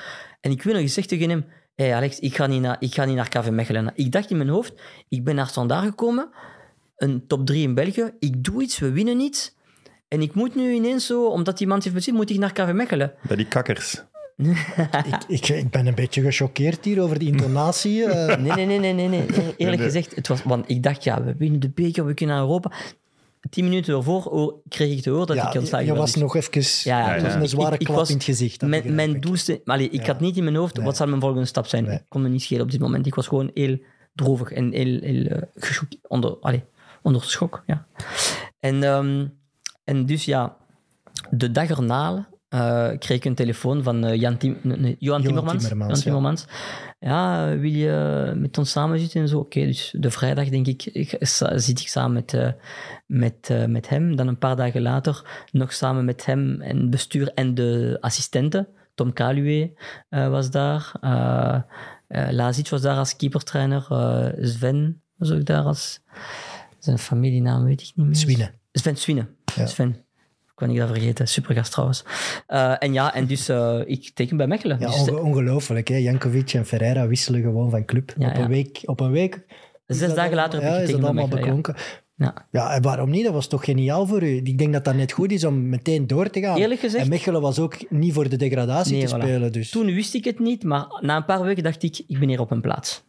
Ik voelde me echt, echt thuis daar. Het publiek had dat ook. Ja, je hebt KV Mechelen de mooiste supporters van België genoemd. De beste supporters van België. Ja, ja. Zo van, van ver. Eigenlijk, want Kan toch niet? Nee, nee maar eigenlijk, allee, supporter is support. Het is de ploeg steunen. Het is niet wie het meeste geluid doet, het is de ploeg steunen. En ik weet nog, als ik bij KV Mechelen aankwam, de eerste vier matchen pakken we één punt maar, één op twaalf. En er was een thuismatch dat we verloren, ik denk tegen Zulte Waregem. We staan 2-0 voor, we verliezen met 2-3 van Zulte Waregem. En na de match begon iedereen te applaus. We gaan naar het publiek natuurlijk om een applaus te geven. En ze beginnen te zingen. En je, je, je, je, begreep wel, ze weten wat we gedaan hebben. We hebben gevochten, we hebben goed gespeeld. Ze zijn beter geweest, maar we hebben ons best gedaan. En de mensen waren daar blij mee. En ik dacht, dat zijn wel goede supporters. En natuurlijk daarna, dat heeft ons misschien vleugels gegeven. En daarna, thuisspelen was een, was een eh, zeg dat, nightmare. Eh, hoe zeg je dat? Nachtmerrie. Nacht- Nachtmerrie, ja. Voor eh, Nightmare, ja, het is een mix van Nederlands en Engels, sorry. Eh, was een nachtmerrie voor elke ploeg. Naar ons te komen, super moeilijk. Wat een, een wat super eh, statistieken thuis. Ja, het is gewoon jammer dat we... ik dacht dat je blijer ging zijn, maar... Nee, ik ben, ik ben super trots met dit compliment. Want ja, ik was een van die fans eh, die daar jullie stond toe te juichen naar Waregem natuurlijk. Nee, maar dat, dat, dat is wel zo. De achter de kazerne heeft sowieso iets speciaals. En oké, ik ben daar een beetje voor ingenomen, maar dat is wel, dat is wel altijd zo. Ja. Maar het is gewoon doodzonde. Dat was weer een jaar waarin dat we zevende worden. Waarin dat, ja, met een klein beetje geluk hadden we er wel eens bij geweest. Ja, en ja. dat, dat, dat die club misschien een andere elan gegeven. Ehm, en ook, ja, dat jaar speelt denk ik Waregem en Oostende spelen play-off 1. Dat En kan. want Genk en Standaard, die Ja, eindigen ja. nog achter ons. En dat, dat zijn zo van die jaren dat Maar wij ja, als club... met koeken. Ja, ja, ja, wel Ja. een goede ploeg. En Waregem ook een goede ploeg. Maar dat zijn van die jaren dat KV Mechelen er toch eens had moeten bij kunnen zijn. En dat is zo net niet Maar gelukt. eigenlijk, En- we, weet je, we stonden vijfde. Eigenlijk, wij, Ja. de voorlaatste match winnen we van Anderlecht thuis. Ja. Die Matthijs scoort die Matthijs, laatste. korte haak. Ja. Dus Ja. We, we, we staan vijfde. Dan moeten we naar Gent gaan en niet verliezen. is wel moeilijk. Hey, Gent, Ja. die, die, Gent moest winnen om, om, om play-off 1 te spelen. Dus dat was hen of, of, of wij. Sorry, en ze waren, probleem. ze waren gewoon... Sorry, eh, emoties.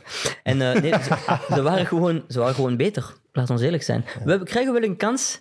Tjotjalic, denk ik, in de eerste helft. Als we die scoren dat we voorstaan, misschien is de match anders. We scoren die kans niet na een corner.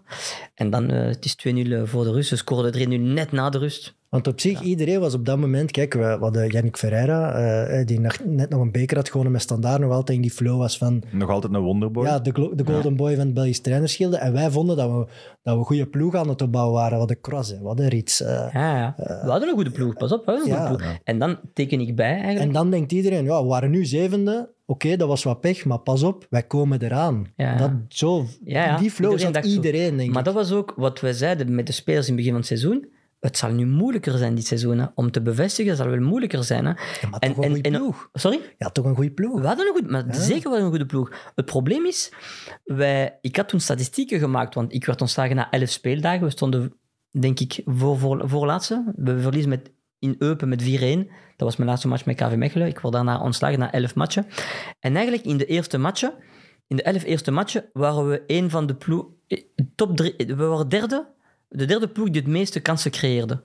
We hadden gewoon geen efficiëntie. En aan de andere kant, drie schoten tussen de palen, één was binnen. Eén op drie schoten was binnen. Maar je had de middenveld, Schoofs, Rits, eh Croiset. Ja. Ja. Was, en wie zou ik nu een woord voor om dat middenveld te hebben. El Messaoudi?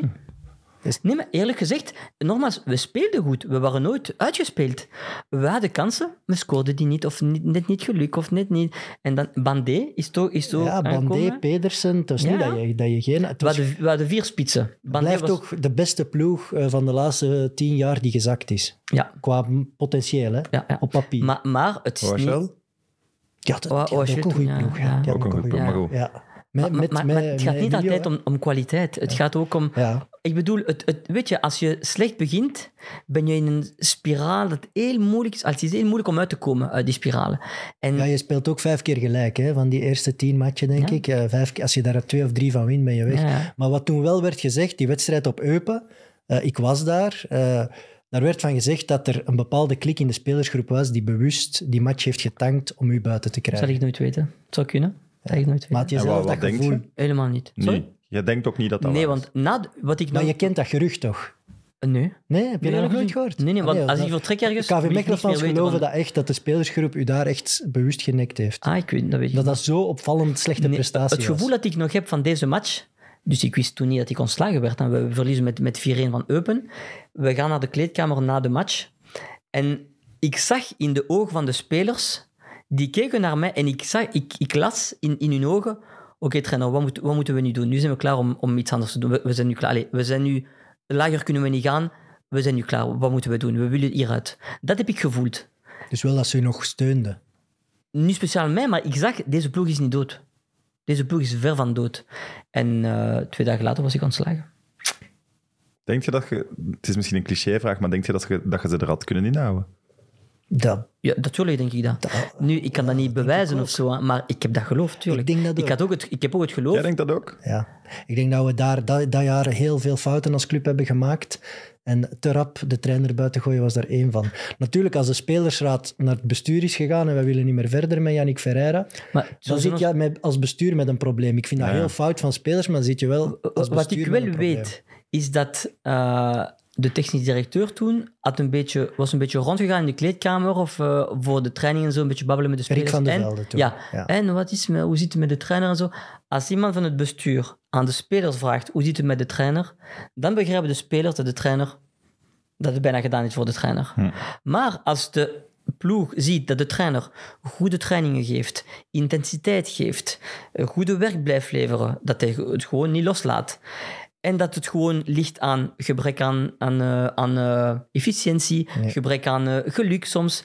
Dan moet de club meer geduld hebben met de trainer, vind ik. Dat- Als, als, als, als, er nu, als de trainer nu niks meer doet of gewoon ruzie heeft met iedereen, dan is het, wel, is het wel misschien een reden om. Maar voor, voor mij was het geen reden. Nog geen reden om te panikeren, ook niet. Elf speeldagen. We stonden nog niet in een positie om te degraderen.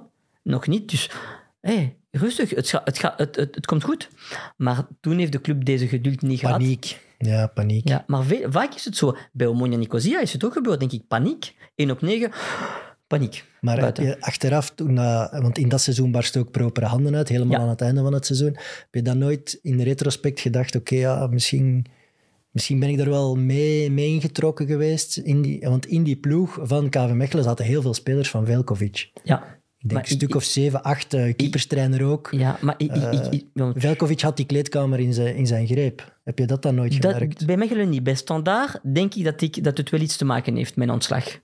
Maar bij Mechelen niet. Bij Mechelen denk ik gewoon dat de mensen gepanikeerd hebben en dachten, oei, we gaan misschien eh, hier degraderen. Het is gewoon een kwestie van Maar paniek. bijvoorbeeld, ja, ja Tomacek in je kern. Die, Ja. die, die transfer is heel verdacht ondertussen. Ja, ja Drazic in de spits, die niet het niveau van KV Mechelen had, maar dat leek alsof dat, dat werd opgelegd dat hij moest spelen. Nee, nee, dat hij moest spelen niet. En eigenlijk, het is altijd zo dat in de club bes- beslissen meerdere mensen. En op het einde eh, zegt, zegt, die- zegt, zegt iemand, oké, ja, hij komt of nee, hij komt niet. Maar meerdere mensen geven hun mening eigenlijk. Als, ik ben nooit een manager geworden, eh, geweest die zegt, oké, ik ben hier de manager, ik maak de transfer. Ik ben altijd geweest van, ik krijg een profiel, ik bekijk die op Wisecout en ik zeg, goed voor dit, goed voor dat, niet goed voor dat, Maar. Velkovic heeft u in die KV Mechelen-periode nooit gebeld. Jawel, ik heb, ik heb contact met hem gehad toen, tuurlijk. Maar niet gewoon als hij was een makelaar van een. Van, van hij wou toch dat je zijn spelers opstelde. Geloof me niet. Nooit. Want uw opvolger bij KV Mechelen is weer Jankovic. Ik kom altijd als ik vertrek. hè. Ja. Nee, nee, maar dat, dat is ook iets dat. Allee, misschien als je het nu zegt, denk ik, ah, dat heeft misschien ook iets te maken daarmee. Misschien niet alleen paniek, maar ik blijf denken, oké, paniek. Want het waren goede mensen bij Mechelen. Ik kan me niet inbeelden dat die... Ah, het waren wel goede mensen. Maar het viel u niet op dat we heel veel Balkanspelers hadden. Ja, Jawel, maar, maar, maar dat kan, hè. het- was toch zo... allee, het is vaak zo... Allee, Ja, dat weet ik wel. Er in zijn, zitten nu veel Japanners. Ja. Maar sommige clubs is soms zo, werken ja. met sommige makelaars. Het is altijd Ja. zo geweest. Hè. Dus ja, Balkan of Japanners of... Want daardoor zit je, zit je naam wel mee in het dossier. Ja, je stond op een gegeven moment Ja, ja, op ja, de ja. lijst Ja, van de ja, ja, ja. verdachten. Maar ik heb nog altijd niks gehoord daarvan. Dus ja, ik weet niet. Hm. Mijn naam staat iedereen blijkbaar in een dossier, maar ik, ik weet er niks van. En eh, ja, maar nu dat je het zegt, misschien heeft dat iets te maken. Ja. En ben je dan, allee, dus misschien wat cynisch, maar was je dan achteraf eh, ergens van, ah, zie je nu wel, je bent gezakt. Nee, bij Mechelen niet. Nee, bij Mechelen niet. Ik had een, eh, ik had een goede band met, met, de- met deze club en met de supporters. Ik was, ik was niet blij. En laat ons eerlijk zijn. Ik, heb, ik draag een derde van de verantwoordelijkheid van die, van die degradatie. Want ik was Door daar elf matchen. ja. Eh, Een, bijna, eh, iets meer dan een derde. Dus ik draag een, een verantwoordelijkheid daarin. Maar ik kan ook denken, ja, de ploeg had nog 19 matchen om het recht te maken. En als ik vertrok, was de ploeg niet eh, laatste, niet in degradatiezone. Dus, maar nee, ik, ik, was niet, nee, ik was niet blij, natuurlijk niet. Weet je nog hoeveelste dat ze stonden toen je ontslagen werd? Ik, was er één daler of niet? Wat, ja, één daler, Dan stonden alleen we de voor laatste. Ja, Dat dan we hadden net acht voor de- punten. ja. We hadden acht punten, vijf keer gelijk en één keer gewonnen.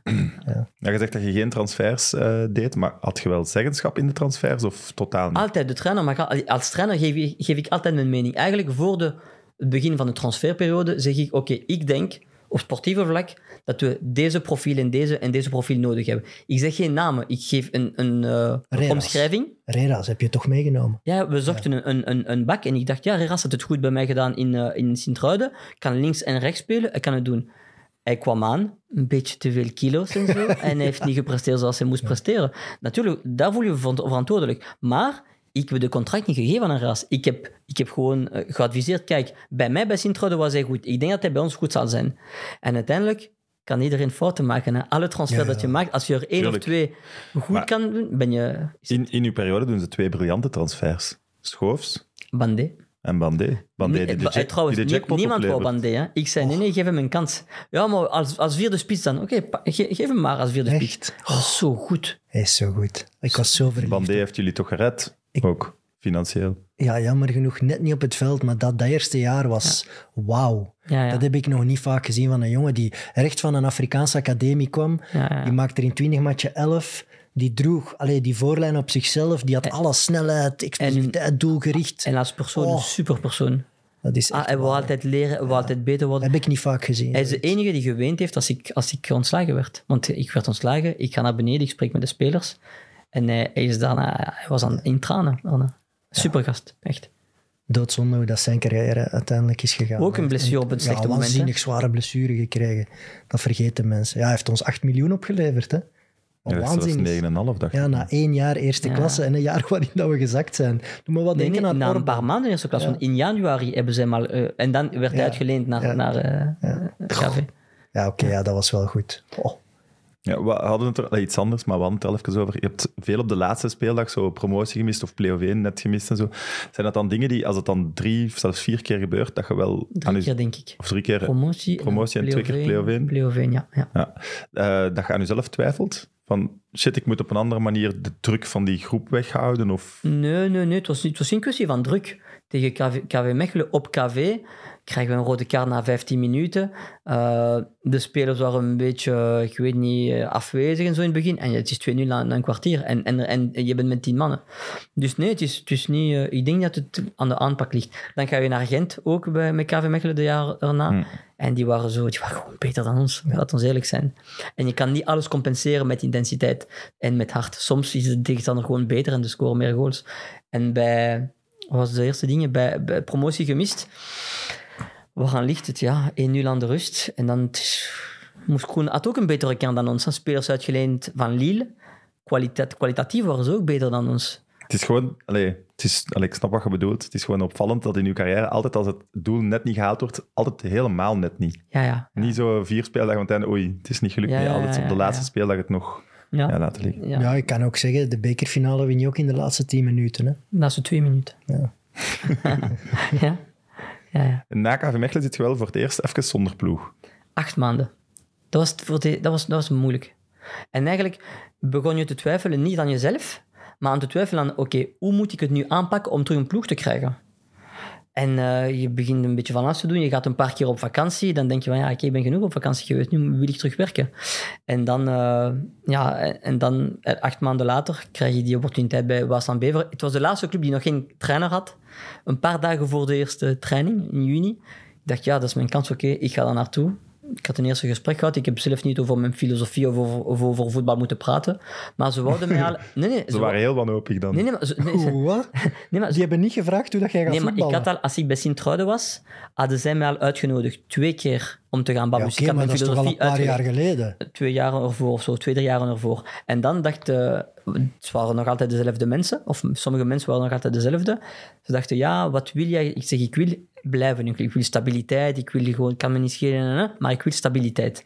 Want ik heb nu in mijn laatste club, werd ik ontslagen, maar ik ben een, denk ik een langtermijntrainer. Na, pas na een tijd kan ik wel eh, ideeën in Omdat je dat gevoel van Sint-Truiden nog altijd hebt. Ja. Waar dat je wel tijd had. Maar eigenlijk, dat, mijn twee beste ervaringen als trainer waren Sint-Truiden en Alfate. Ja. Ik ben daar meer dan twee jaar gebleven, twee keer. En daar voel je je echt thuis en je mag je dingen doen. En toch, je, op, ja, toch opvallend dat Beveren niet dieper ingaat op, op die sollicitatie dan. Ja, maar nee, nee, maar ze, ze kenden mij. Ze kenden mij. Maar ik, ik geloof ook dat de, de- een club, een institutie, moet waarden hebben en een zeker DNA. En je moet mensen aanwerven, spelers, eh, staf en, en trainers, die passen bij deze DNA.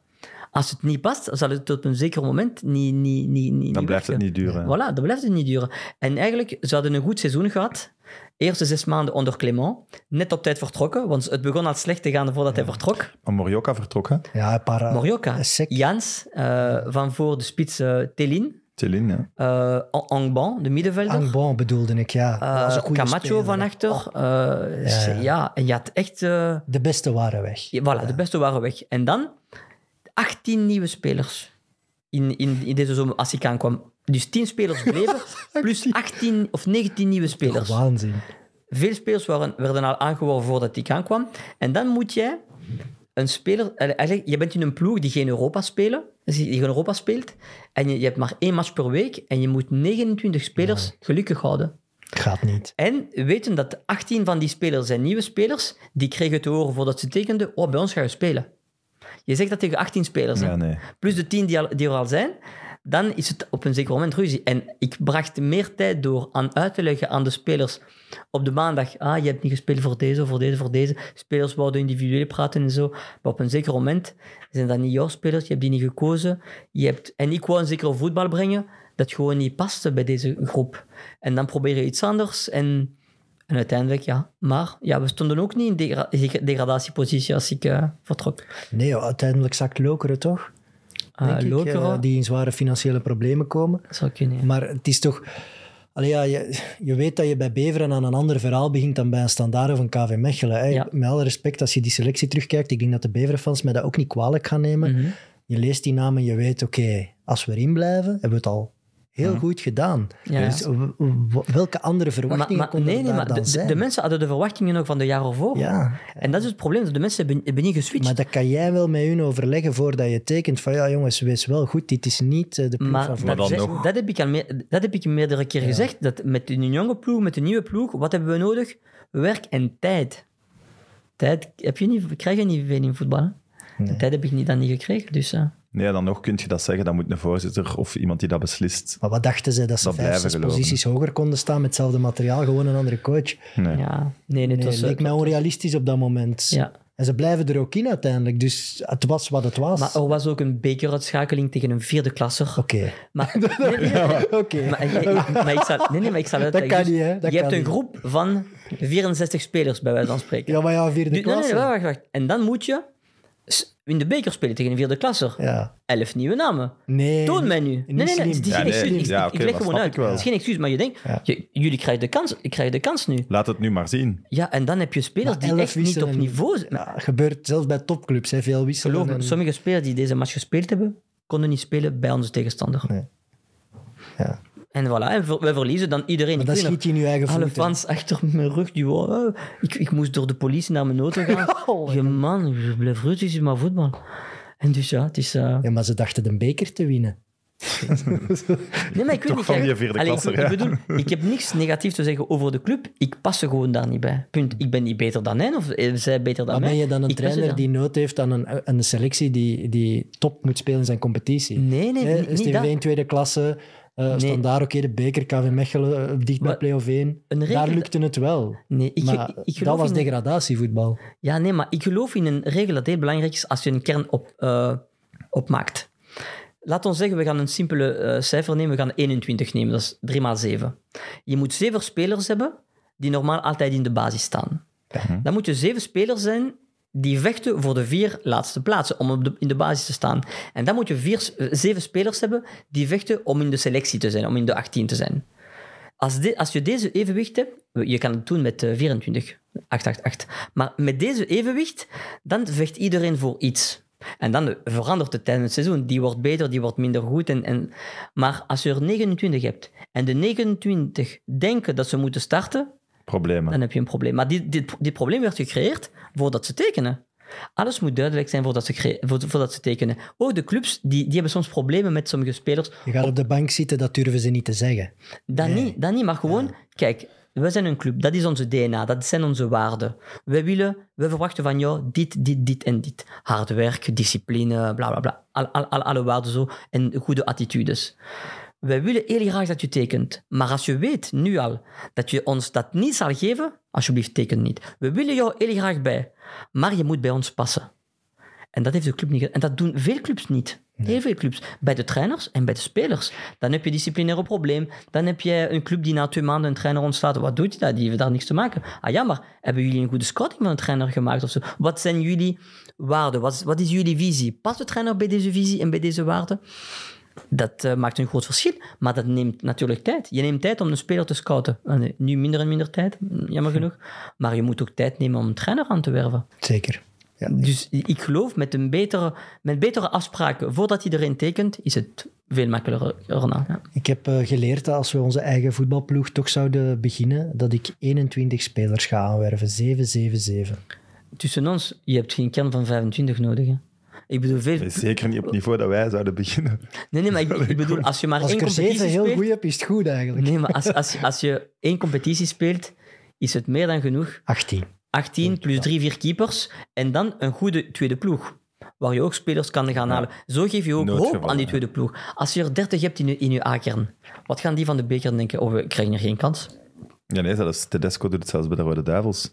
Een kleine kern, zodat er niet mensen bij zitten die weten, ik kom er toch ja, nooit in. Misschien kan dat wel een voorbeeld stellen nu voor de, voor de toekomst. Ja, Ah, ik dacht misschien dat je voor gaat- jezelf ging zeggen. Nee, maar misschien gaat dat nu weer ineens de trend zijn. Eh, Je hebt lang gehad eh, vanuit de Premier League, we stapelen de spelers maar op. hè. Vooral Chelsea, Ja. Man City, eh, die stapelen de spelers maar op. Misschien gaan we nu terug naar een trend met kleinere kernen, omdat Het- te veel ontevreden spelers haalt het niveau naar En, en beneden. ook ja. om, om een goede training op te maken. Veel Ja. clubs hebben geen twee velden naast elkaar. Veel clubs hebben één veld om te trainen. Wat doe je als je eens 11 tegen 11 wil spelen op training? Wat doe je met de acht anderen? Ja, dat is eigenlijk Nee, zot. een beetje... Allee, Als je 11 tegen 11 speelt op training en er staan er dan nog 10 die Ja. dat niet mogen meedoen, Nee, dan maar heb je te ik had het geval bij Standaard. Dus net voor mijn ontslag, na de, na de transferperiode van de zomer, stonden we met 34 in de kern. dus ik trainde, allee, we trainden soms met één groep op één veld. We hadden twee velden naast elkaar, één een beetje lager.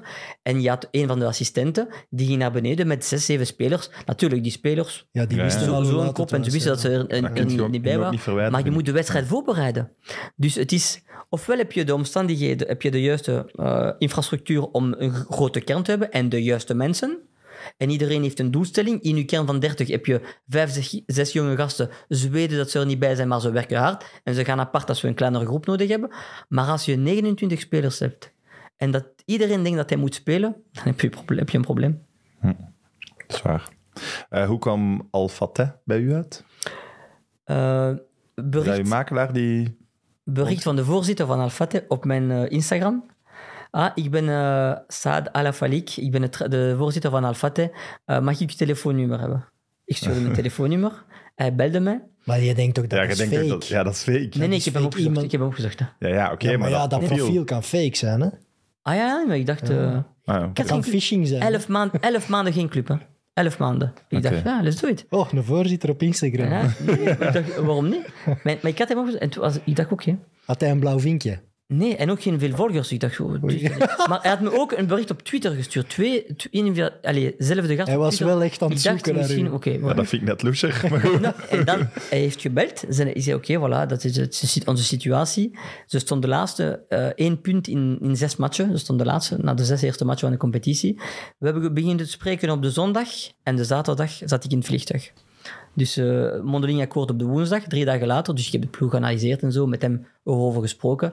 Zaterdag daar gevlogen, zondag aangekomen. En eraan begonnen. Mooi avontuur. Ja, maar het heeft lang geduurd. Ik vind wel, allee, twee jaar en een half bijna in Saoedi-Arabië wonen. Ja, ja. Dat is toch wel... Maar het is niet wat de mensen denken. Het is veel beter dan wat veel Ja, je mensen weet denken. wat ik ga zeggen, dat het een heel negatieve connotatie heeft. eh, Ja, ja, ja. Zeker de mensenrechten schendingen daar. Maar kijk, wat de mensen ook moeten begrijpen, het is... Jij, mijn passie is voetbal. Dus ik was acht, na Mechelen acht maanden zonder club. Dan Beveren vijf maanden trainen. Dan elf maanden zonder de club. Dat wil zeggen, in twee jaren maar vijf maanden gewerkt. Je mist het. Ja, Allee, ik ben gepassioneerd, ik mis het. En dan belt iemand tegen jou en zegt, kom naar mijn land. Het is goed weer, goede, goede infrastructuur, je krijgt veel geld en je mag doen wat je het liefst doet in het leven. Wie Ik zal nee zeggen? Ik teken. Het is heel duidelijk. Ja, ik, ik, ik vermoed dat ik ook zou tekenen, ja. En dus, ja, Uiteindelijk dat- gaat het over eh, job, financiën en... Ja, je bent daar niet om, eh, om En- president van het land te worden, je bent daar om voetbaltrainer te zijn. ja, sowieso. En je kan het land niet veranderen, maar het land is, was wel veel meer open dan als ik daarvoor was, als bij mijn eerste ervaring bij Michel Prodom. Het land was veel meer open. En nu, jaar na jaar, is het meer en meer open. Het is nog niet Dubai, maar het is wel meer en meer open. En het wordt misschien ooit Dubai. Het is Ja, open ik- aan het gaan. Het, allee, het is, ik ben er nog nooit geweest, dus het is misschien te makkelijk van mij om te zeggen, oh, daar ga ik nooit naartoe, want eh, daar, daar worden journalisten opgesloten in de gevangenis omdat ze kritisch zijn op het beleid. Ja, ik ben er nog nooit geweest.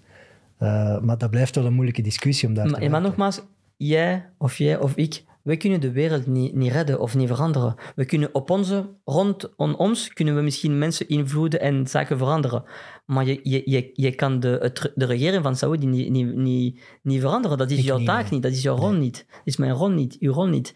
Maar wat je wel kan doen is, je, je hebt een ploeg en je probeert van die twintig gasten dat je hebt, een betere ploeg te maken en ook goede mensen te maken door en boodschappen te geven, positieve boodschappen, waarden. En ik heb nog heel veel contacten met veel spelers. De voorzitter, die is twee jaar lang als, mijn als een oudere broer voor mij geweest. Ik heb nog altijd contacten met hem nu. Hij heeft mij, na 2,5 jaar, zei hij mij, kijk, alles heeft een begin, alles heeft een einde. Uh, wij vinden dat het nu het moment is om, om, om afscheid te nemen. En het is, allee, we hebben geweend, alle twee, uh, de dag dat ik vertrokken ben ik heb nog altijd een goede band met hem. Als hij naar Europa komt, waarover hij, waar, waar hij ook is, vlieg ik er naartoe en we, we, we zien elkaar. Dat is de, de, relatie zo goed gebleven. Dus ja, mooi. nee. Dat is Ja. mooi. Ja, Zeldzaam ik- lijkt mij ook. Ja, het Maar het is ook een menselijk avontuur. Het is niet alleen... Ik, en, en nu- ik ben vertrokken met drie mensen in mijn staf. En na twee jaar zijn we ons, werden we ontslagen met zes mensen. Ik had zes mensen in mijn staf. Ik plus zes. Dus het is- we, we worden familie. Mensen, als je iedereen gaat zonder eh, zijn lief of vrouw naar Ah ja, je laat Saudi-Arabië, alles achter. je, je, je creëert ja. iets. Je bent, we wonen in hetzelfde hotel, twee jaar lang. Je creëert iets. We zijn broers geworden.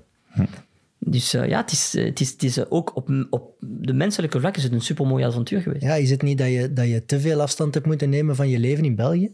Nee, want er zijn veel breaks daar. FIFA-break kan je een paar dagen... Daar is het wel normaal van bij een FIFA-interland van eh, vier, vijf dagen vrij te geven. Het is heel normaal daar. Dat is zonder probleem, want Maar heel veel heel veel buitenland... buitenlandse spelers. Ja. Je hebt nu... We mochten zeven buitenlanders... Nu acht buitenlanders mogen Ja. hebben. Dus iedereen is blij van vier, vijf dagen te krijgen om even naar een familie te gaan. Of, eh, iedereen Dat zijn ook zelden de internationals hè, die daar zitten. Voilà, voilà, Dus- voilà, ja. En nu hebben ze Cristiano. Hè? En Messi is op... Is En op Messi heeft ook een waanzinnig aanbod. Maar wacht maar, nu, geloof niet dat nu dat wordt gaat die competitie, nu gaat iedereen die competitie beginnen volgen. Want die competitie wordt beter en beter. Nu dat Ronaldo er is, zal ook veel veranderen. Want ik kloeg vaak... Kloeg, klaag, ik klaag, ja. Ja, klopt. Ja, goed. ja. Klaagde, ik klaagde, sorry. Volgens Ik- mij mag alle twee. Ja, ik denk het ik, ook. Ik, ik klaagde vaak over het feit dat als een kleinere ploeg daar op voorsprong komt, is de wedstrijd gewoon gedaan. Gaan liggen, tijd trekken en zo, dat is gewoon niet, niet plezant. En ik klaagde daarover bij de persconferentie na de match en zo. Als Cristiano daarover één keer klaagt, zal er een nieuwe regel, kom- regel komen. Het zal onmi- onmiddellijk veranderen. Dus zijn komst daar zal het voetbal ook helpen, denk ik. Ja, maar eh, ik zag Maar- over het laatst dat hij daar razend van het veld liep. Eh, in een of andere derby werd er dan Messi, Messi gezongen door het publiek. Dus Ja, ja. het zijn wel dezelfde spelletjes als dat wij kennen Ja. in Europa eigenlijk. Maar- Ja, maar ze weet- hebben naar Messi dit weekend Ja, eh, Cristiano zitten roepen. Ja, ja. Maar, maar, maar het is zo dat iedereen heeft zo een beeld van, oh, Saudi-Arabië, ze zien een grote stadion leeg, of Leeg, met ja. 200 mensen in, en ze dachten, ja, veel zon en punt. Die, die club tegen, eh, tegen wie Cristiano speelde, Itihad, ja. die spelen elke thuismatch voor minimum 45.000 mensen. Maar dat is wel de, de club, die twee.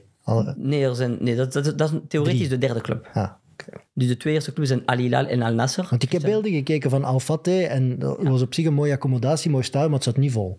Nee, nee, nee. nee, nee. We speelden, voor COVID speelden we voor 12.000, 13.000 mensen. Ah ja. Maar ze, ze, ze, doen gekke dingen daar. Je, je gaat naar een match om mensen aan te trekken. Ze zeggen, ah, we gaan een tombola doen. Je kan een auto, eh, je kan een auto winnen. Je kan een gsm winnen. Zo. Het is wel eh, aantrekkelijk. Kom, we gaan daar naartoe.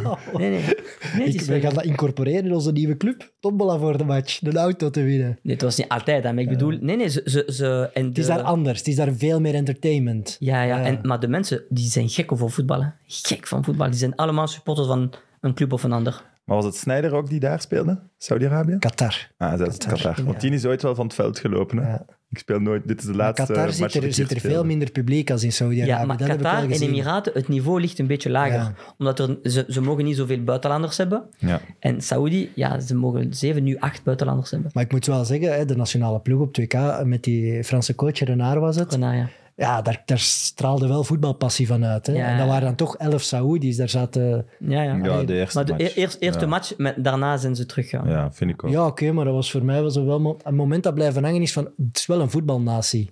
Dat voel je wel Ja, aan die nationale ploeg, dat het een voetbalnatie is. Maar je hebt niet alle matchen gezien, hè? Nee, de eerste match was zo goed, inderdaad. Ik pak daar niet zo mee uit. gezien. Eh, je had daar net kort over familie. Oh, Ja. Eh, ik had nog iets heel leuk over Al-Fateh, sorry. Mag ik dat nog zeggen? Dus ehm, ik heb gehoord van mijn goede bronnen, ook in het Saoedische voetbal, dat je afscheid hebt genomen van Al-Fateh met in de kleedkamer te schrijven, ik heb het opgeschreven, good luck to the next coach, with all my love, Yannick Ferreira. Ja, dat was op, op mijn bureau. Op, de, op het bord in mijn bureau, ja. Dus was dat sarcastisch of Nee, gemeend? nee, nee. nee, nee. Oké. nee, nee. Ik wist wie ik kwam en zo. Ik had er al tegen gespeeld. Nee, ik wist wie zou komen na mij en zo. En, eh, Ik weet nog niet of dat, dat altijd zo zou gebeuren. Ik vond dat wel echt schoon. Dat ja, nee, nee, maar het was, het was gemeen. En, en ik, ga, ik, ben, eh, ik werd ontslagen in januari vorig jaar. En in mei ben ik daar terug geweest om naar een match te gaan kijken en zo. Ik heb gesproken met de trainer, naar de training geweest. Ja, maar goed, eh, allee, good luck wensen aan uw opvolger. Maar, ja, nee, maar nogmaals, het was, het was een moment, ik denk, ik, ik voelde, het was ook, ook na 2,5 jaren, het begon mm, een beetje te, ja, ik dacht, het is misschien eigenlijk het moment, ja, ik, of nu denk ik, ik had gewoon twee, twee weken vakantie nodig, op dit moment. Want na twee weken dacht ik, fuck, ik wil terug bezig zijn. Maar ja, dat, Maar- maar oké. niet natuurlijk. Hè? Ja, nee, voilà, dat mag je niet hebben. Dus oké, het, is, eh, het is zo gebeurd. Maar nee, alleen, ik kan alleen maar goede, goede zaken vertellen over de club en, de, en het land en de competitie en zo, ja. Ja, het laatste wat ik nog wou vragen was familie. Heb jij ruzie met Emilio? Eh, Emilio, we hebben dus samengewerkt. Emilio is mijn Peter, dus de broer van mijn vader is ook mijn Peter. Ja. Eh, Emilio hebben we samengewerkt in Saudi-Arabië, seizoen 11-12. En dan is er iets, ik, heb ik iets gezegd dat hij niet geapprecieerd heeft. En sinds 2012 hebben we niet meer tegen elkaar gesproken. Want ik herinner mij, jij bij Standaard, hij bij OHL, OHL. denk ik. Dat was Nee, niet hartelijk, jullie, nee, nee, nee, jullie nee, het was, ontmoeting daar. het was eh, allee, sinds 2012 hebben we niet meer gesproken. We spelen tegen elkaar in 2016, die Ja. fameuze match met uh, Valdes. En het was een eh, koude handshake. En, eh, nee, maar allee, ik vind dat een, eh, op, op eh, voetbalvlak ongelooflijk eh, veel... Ik heb veel goede ideeën van hem genomen. Sommige van zijn trainingen heel interessant. Op menselijke vlak zijn we niet dezelfde. Ik zeg niet dat ik beter ben of hij beter. We zijn anders. En eh, Maar het is uw Ik heb- Peter. ja, Dat is, Ik- ik, weet niet wat je gezegd hebt, maar lijkt me Nee, nee, het niet ik, ik onoverkomelijk. niet, nee, het is gewoon... Je kan toch sorry zeggen? Of zo? ah ja, nee, maar het, is, het was niet ver- niks verkeerd of zo. Het was gewoon, ik had een mening gegeven. Hè. Het was gewoon een... een en dat is geëscaleerd in elf jaar niet praten. ja, ja. Maar eigenlijk, ik, heb, eh, ik wens hem de beste. Ik weet niet wat hij mij wenst. Ik wens hem de beste, maar ik heb hem niet nodig in mijn leven en hij heeft mij niet nodig in zijn leven. En ik heb daar geen probleem mee. Zou ik, zou ik er tegen moeten... Ik zou geen probleem hebben, zou ik met hem niet moeten praten. Maar er zijn toch familiefeesten? Eh, ja, maar eh, vaak ben ik in het buitenland of zit hij in het buitenland. Of, eh, vaak... En zou ik hem zien bij een familiefeest, zou ik geen probleem hebben om met hem te praten. Alleen, we zijn anders als mensen. Allee, je, je hebt niet een goede relatie met iedereen in je leven. Omdat sommige mensen zijn niet mm, zoals je... Of eh, brengen jou niks, of jij brengt niks aan deze mensen. En, eh, Nee, je, je minimaliseert het wel, want het is wel frappant of opvallend. Ik zou daar niet mee om kunnen, zo met iemand in... Maar ja, maar iedereen het niet daarvan. dat we een, eh, een echte relatie hadden ervoor. Ja, heeft mijn Peter, de, mijn onkel... Jullie hebben veel samengewerkt, toch? In het begin van uw carrière heeft u toch veel... Ja, ja in mijn, eerste, mijn jaren bij, bij, Al- bij Al-Shabaab. En ik heb nogmaals heel veel van hem ge- ge- geleerd. Maar op een zeker moment beslissen, oké, ik, ik, ik blijf doorgaan en deze mens, of deze persoon, of deze personen, heb ik niet nodig in mijn leven, of wil ik niet op mijn weg. En het is niet... En ik wens nog... Ik wens Maar dat klinkt hard, snap je? Dat, allee, dat klinkt hard. Oh ja, nee, maar het is niet... Maar ja, het is voor hem ook niet nieuw. Toen ik het las, was het, ik was het een beetje vergeten. Ik herinner ja, me dan ook, de match ja. van OHL Standaard. En voor mij was het nieuw, maar ja, voor hem is het al ondertussen meer dan een decennia. Ja, ja, ja. Ja, ja, maar het is... Nee, nee, het is... eh, nogmaals, hij doet zijn dingen, hij doet het heel goed, eh, denk ik. Dus eh, ja. Voilà. Ik heb nog wat mededelingen. Oeh, Ja, het Dante van Zijr shirt, want hij heeft natuurlijk gescoord. We waren dat een paar keer vergeten al. Tegen Colum- vasthouden? Columbus Crew was Ja. het. Ja. En de winnaar daarvan is Stefanie van Baal. En dan het El Canoes truitje voor u te abonneren op het Friends of Sports YouTube kanaal. Is gewonnen door Martijn van den Berg. Hey, we hebben hier Dus nog wel eens top giveaways. hè, zeg. Beide personen mogen hun eh, adresgegevens op Instagram naar Admitmit podcast DM'en, zoals de voorzitter naar Yannick had gestuurd. Voilà.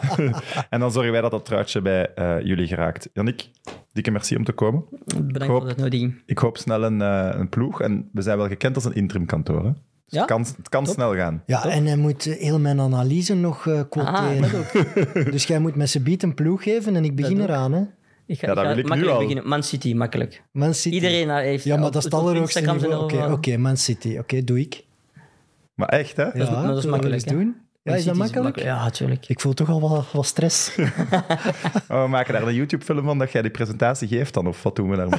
Oh, Ja, ik vind wel... We gaan Ja. dat ook bekijken, Ja, maar maar ik ga dat wel doen. Op, Nee. op, eh, op YouTube zijn er veel analyses. Ja. Niet, vastspelen. Hè. Vind Nee, ik nee, ook. ik doe mijn eigen moet je ding. eigen analyse zijn. Ik doe mijn eigen ding. Ja, en ook allee, nu toch zeggen wat je ermee gaat doen, want ik ken dan, we laten het dan doodbloeien anders. Ik bel Kevin voor Insight Informatie om te horen op wat er getraind wordt. Ben benieuwd.